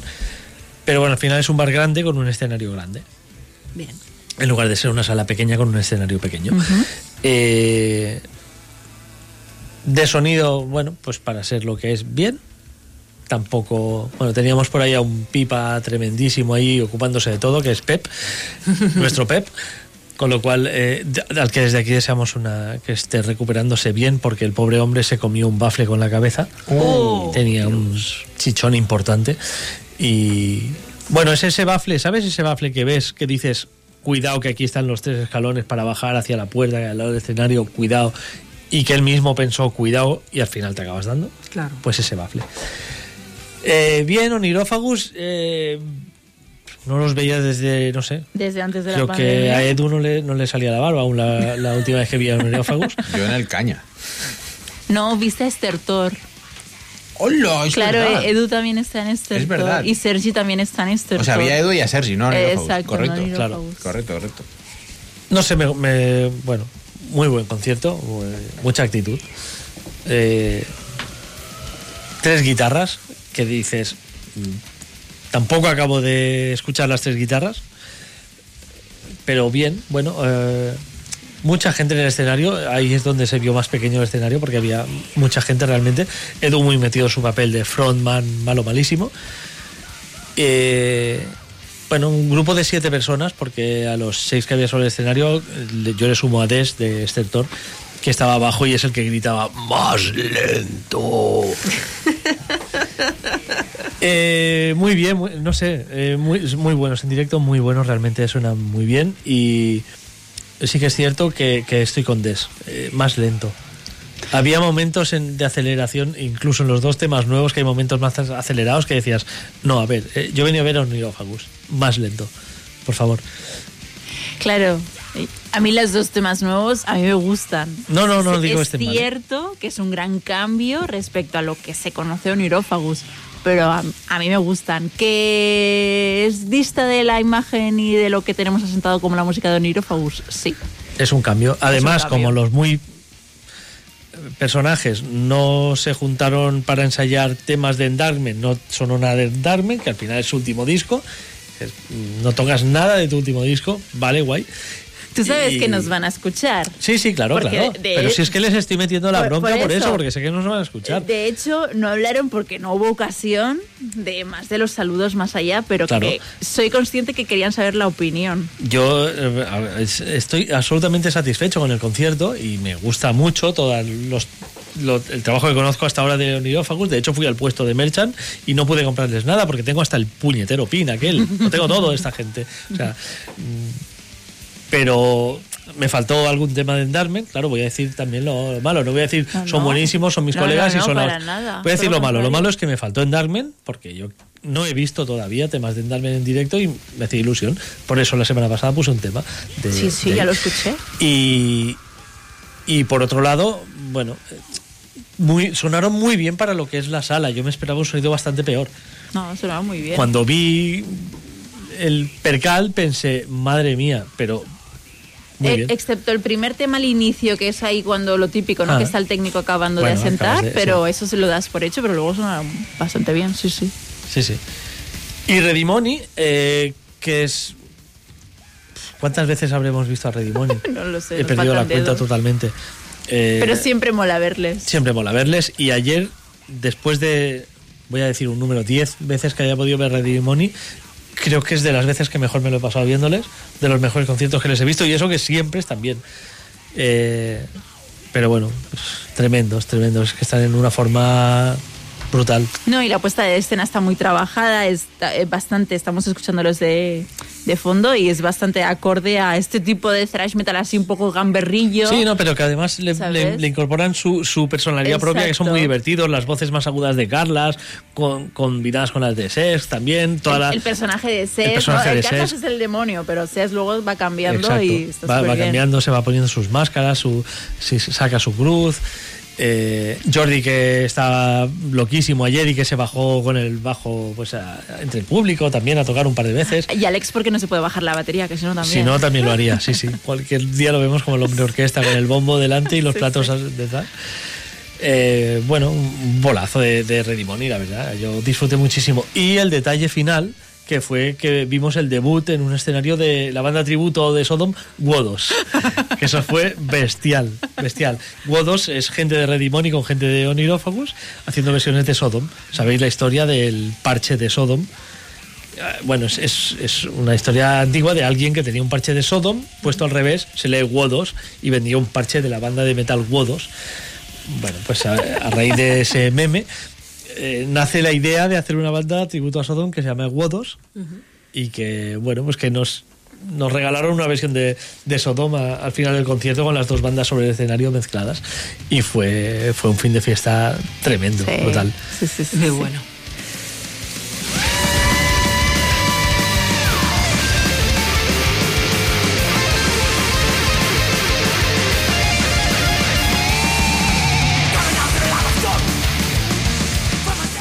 Dicho esto, hacemos un mini repaso del sinfín de conciertos que tenemos eh, en nada, en breve.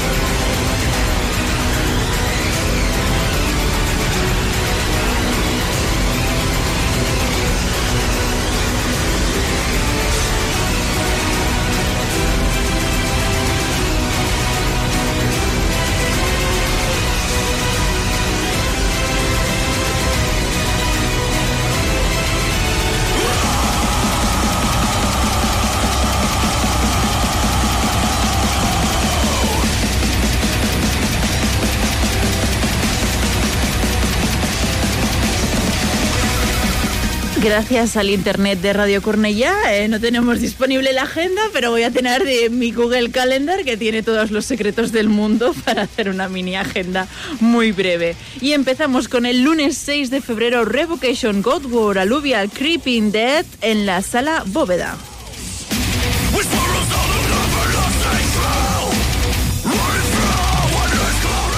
Tenemos solape el martes 7 de febrero. Por un lado, Tribune, Heaven Shall Bar, Obituary y Malevolence en la sala Razmataz.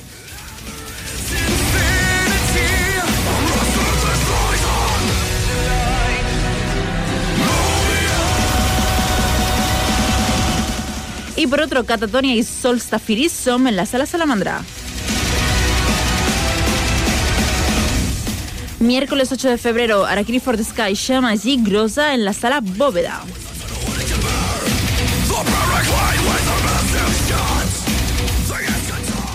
Viernes día 10, Épica, Apocalíptica y Will en la sala Razmataz.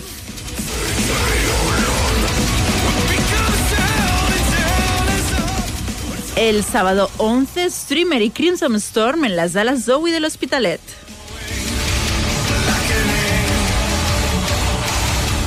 Nos vamos al lunes 13 de febrero, Tarja en la sala Apolo.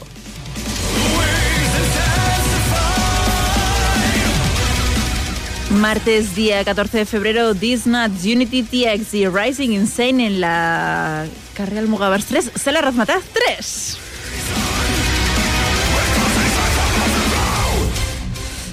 Miércoles 15 Harman Aerial Blacket en la sala Upload.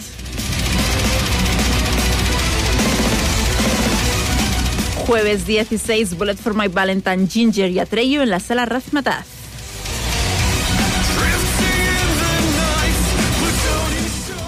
El sábado 18 de febrero, doblete por un lado, Rosa Balón y Saltimbanquia en la sala Bóveda.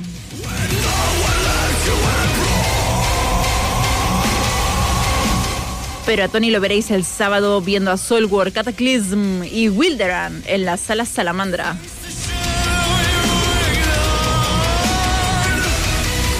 Y el domingo 19 de, febrero seguro que veréis a Inma viendo a The Bring Me The Horizon y a Day to Remember y Postasy en San Jordi Club.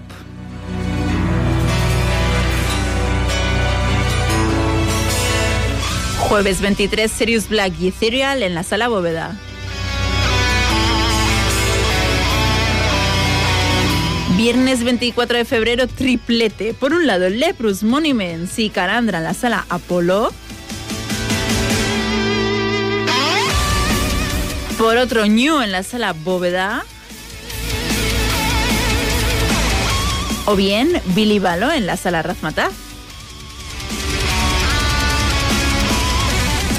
Y con esto acabamos la agenda de conciertos, que si no os funciona internet eh, de la radio como está pasando ahora mismo, si estáis inscritos o suscritos al calendario del octavo día de conciertos del Google Calendar, se os copia directamente a vuestro calendar, no tenemos nosotros acceso a nada, simplemente se te copia esta agenda de conciertos de Barcelona y cercanías a tu propio Google Calendar y así estás al día de todo, como debe ser.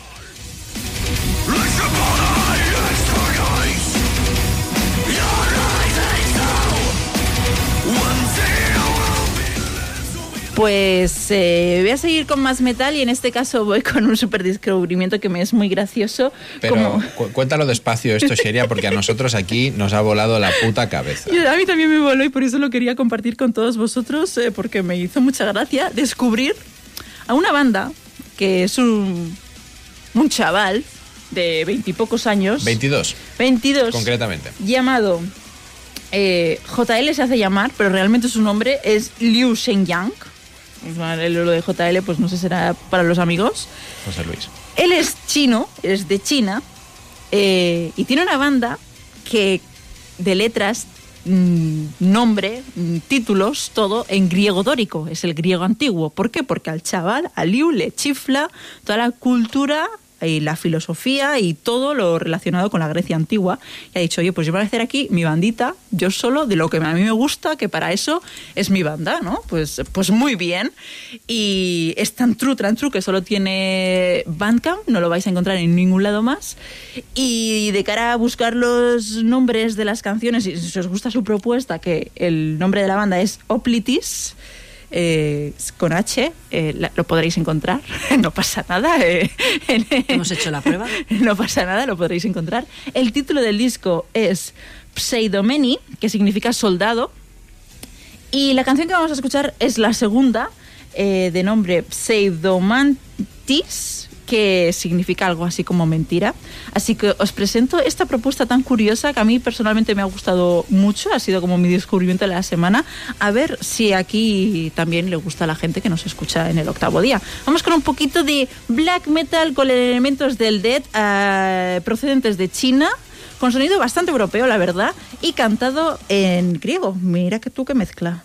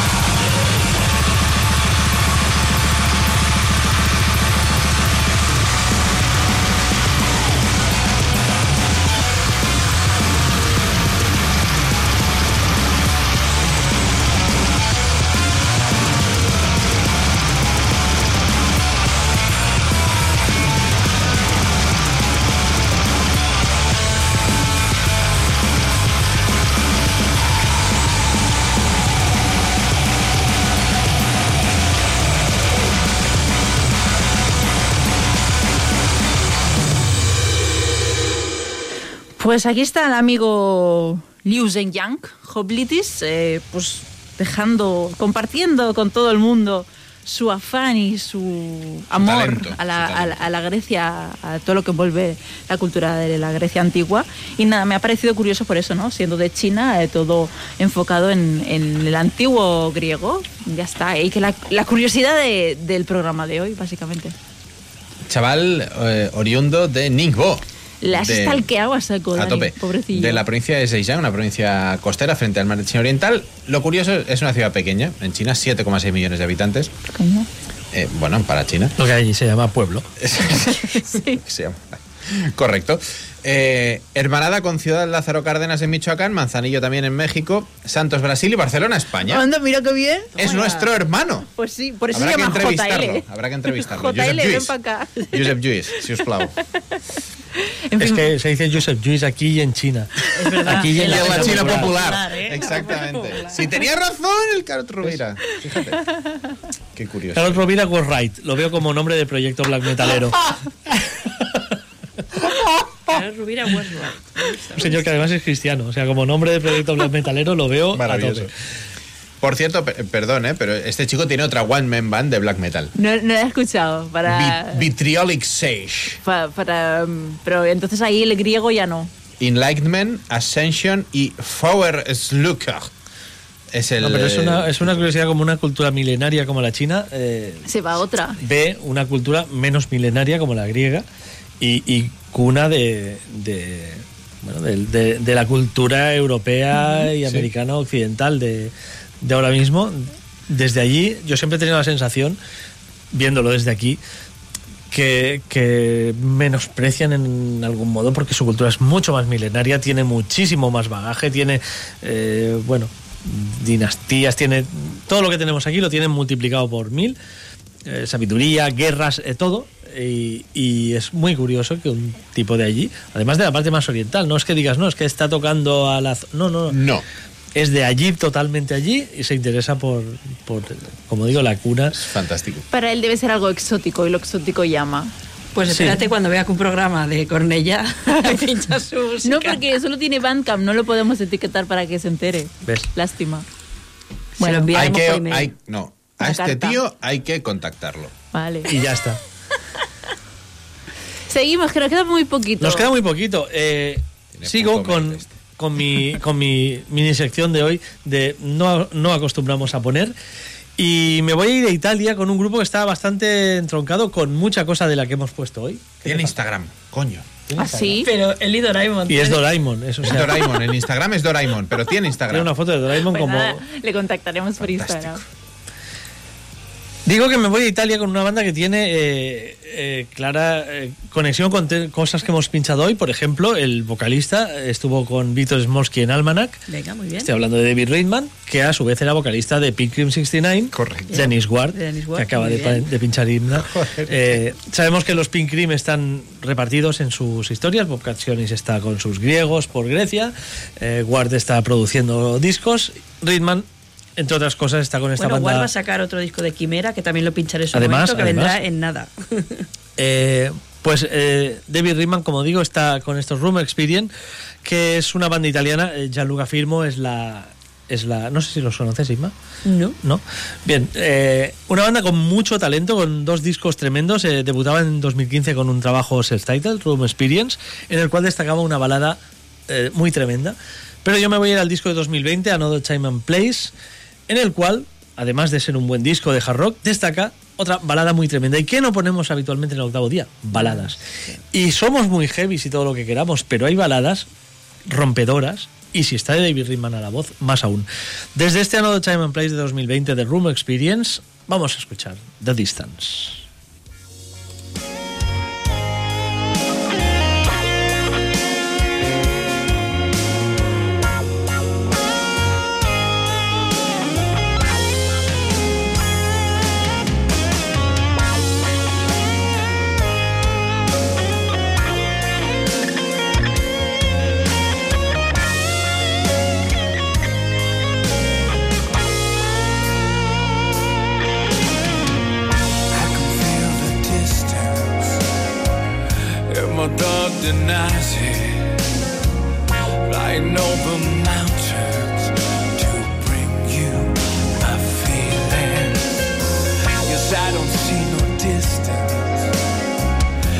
I feel you smiling, I just see my future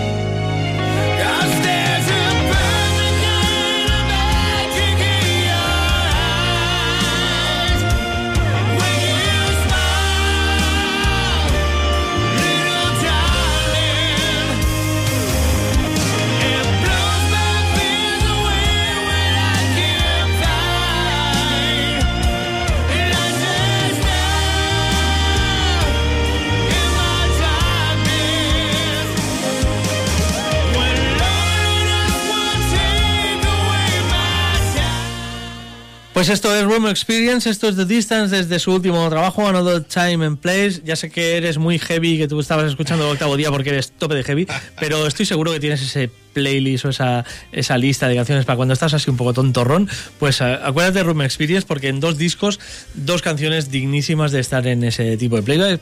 Para ese, pa ese, ese día tonto que, que tienes, ¿no? que, te puede venir aunque seas Lester y, y estés odiándome ahora mismo mucho desde el grupo de Telegram porque he ido contra ti hoy, bueno, no era, no era mi...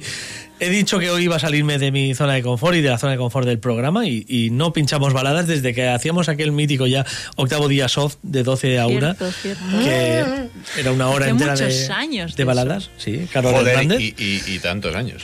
Sí, sí. Y sí, una hora entera de baladas, pues ahora no ponemos nunca baladas. Y Room Experience, eh, en este disco, por ejemplo, os lo podía haber presentado con muchos temas. Hay muchos temas muy buenos de hard rock, mucha calidad. Pero, ¿por qué no? La balada es buena, eh, ponemos la balada y ya os digo, seguramente ahora sois los más heavies del mundo, pero ese día tonto, escúchatela bien la balada y, y luego me, y luego me cuentas. Room Experience, todo lo que cante David Riemann además es bienvenido, o sea que Siempre. Siempre, siempre. Me voy hasta Tokio para presentaros un nuevo EP de Allegiance Rain, una banda que descubrí en 2020 cuando debutó, que recuerdo que la, la pinché en el programa en aquel formato que teníamos todavía en, en casa en un día que grabé con Mark. Eh, una banda de power metal eh, que habla sobre todo eh, pues, a nivel eh, de historia de Japón, batallas y tal. Batallas y historia de Japón significa los últimos mil años hasta 1868, que da inicio la, la era Meiji.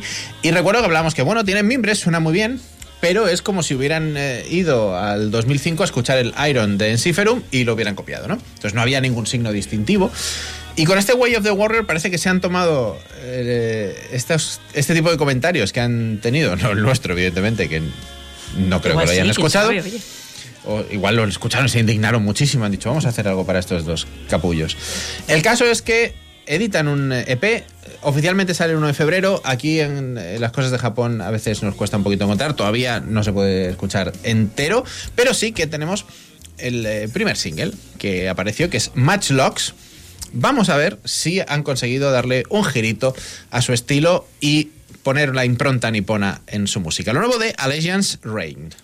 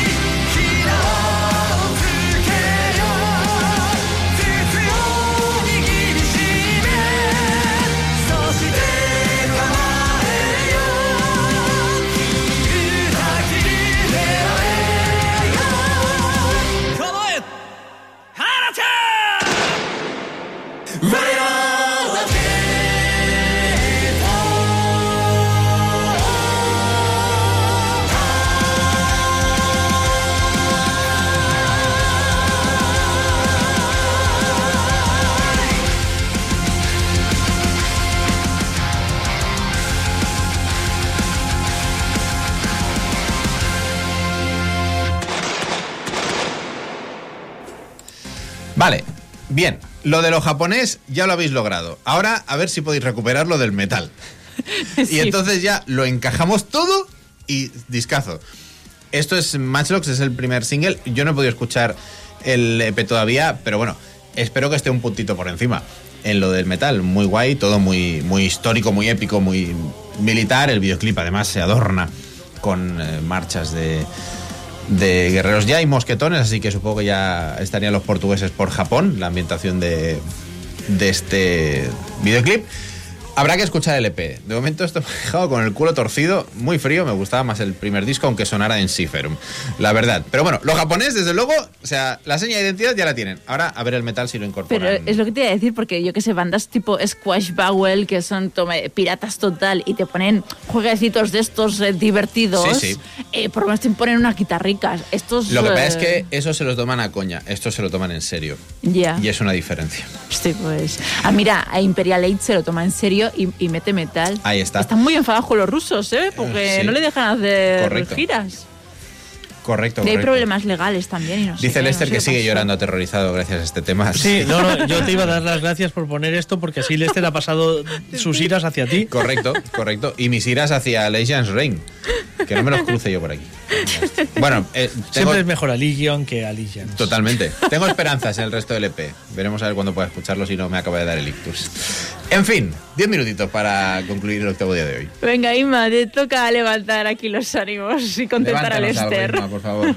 Pues nada, yo vengo a hacer la faena que hay que hacer porque voy a poner una petición que hemos tenido, indignada que estoy No me lo puedo de creer. de la petición que hemos tenido. Estoy muy indignada Yo porque también. A pesar de que Yo también, tú también por la parte que te pero toca. porque me lo han dicho. Porque yo no tenía ningún tipo de indignación. a pesar de que lo pinchamos en el programa, a pesar de que me curré un reel en TikTok de esta banda, aún así se nos pide la banda para pincharla. Pero yo, como soy una persona de palabra, la pincho. Y no lo pasa pinché nada. yo, que lo sepáis. Yo no lo sabía, pero me lo han recordado. Y yo me negué a pincharlo, que lo sepan. Ya que nos ponemos. Y yo lo, te- lo tenía en cola, pero Dani se lanzó. Venga, todos lo O sea, teníamos. todos hemos lo tenido teníamos. implicación con esto, relación maldita con esto sea. es como los, los de estos de Agatha Christie, ¿no? Todo el mundo está ahí relacionado. Sí, sí. Bueno, eh, la banda en cuestión son canadienses, se llaman Borealis. eh, son muy épicos, tienen mucha melodía, unos solacos de guitarra que te cagas. Vuelvo a decir lo que dije en el TikTok, que de verdad que me escuchéis, que os digo las cosas. Y lo vamos a pinchar eh, otro tema de Illusions, que fue el disco que sacaron en 2022. Y en esta ocasión, yo creo que este no lo hemos pinchado, eso sí que es verdad, que el tema igual no era el mismo. Pero bueno, ya entre el que pusiste tú, el que se puso para el reel de TikTok y este ya van tres. Si os gusta, tío, os gusta el disco, no le deis más vueltas ya. Así que ponemos eh, de Borealis el tema Light of the Sun.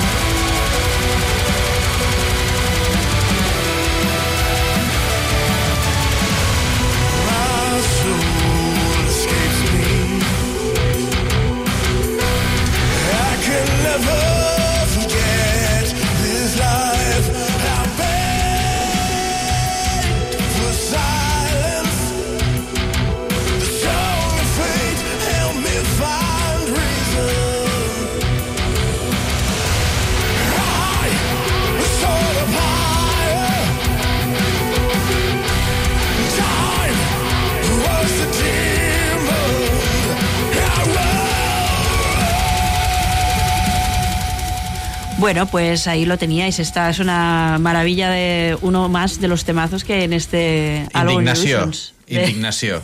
de Boreales. Eh, bueno, no pasa nada, lo hemos pinchado tres veces, eso quiere decir que ahora estará tres años sin sonar. Hombre, es que salen tantas novedades y tanto metal Con todo veces, merecimiento. mm, pasan estas cosas. Sí, no, que ponemos mucha música y mucha buena. Y claro, a veces estás ahí tomando tus apuntes, pero como Mónica, que está ahí con el ganchillo, ¿sabes? Entre que sueltas la aguja y coges el boli para apuntar, ya se te ha pasado el Se te ha pasado. Sí. Pues que no se os pase la despedida de hoy a ritmo de Greencore eh, pa- Con marranos. con marranitos, porque en el último programa que puse de Rotten Sound, que fue finales de noviembre diciembre, dije, esta gente mucho jiji, mucho postureo y poco nuevo disco. A los dos días sale el single de ¿También lo que va escuchado? a ser el nuevo... Hombre, que yo, que que yo y yo somos amiguis desde hace mucho, hombre. Ya, ya lo tendrían preparado seguro. Eh, pues nada, hay nuevo disco de Rotten Sound, verá la luz el próximo 31 de marzo vía Season of Mist. Siete años sin sacar disco, octavo largo y ya tenemos single. Nos despedimos a ritmo de Rotten Sound con Suburban Bliss. Chicos, Inma, pero tú eres carácter especial. Yo soy carácter especial. Por supuesto, por encima, chicos, Es de la élite. Yo porque te escucho. La élite, hashtag Porque dice élite. whatever, porque dice whatever. Y escucha metalcore. Vaya tela. Tony, Dani, Inma, muchas gracias por vuestra presencia y por vuestro metal. La semana más. La semana Muchas más, no, la gracias. semana que viene más. Más lento. La semana que viene. Adiós.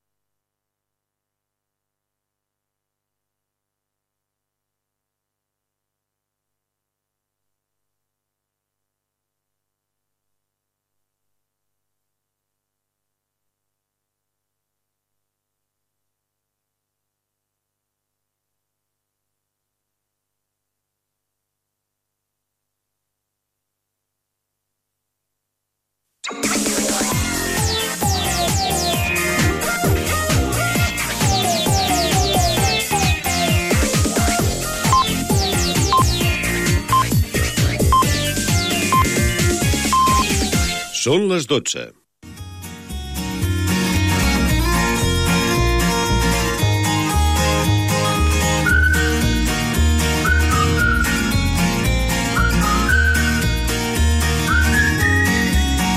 Molt bona nit. Ara comença a Ràdio Cornellà una nova edició del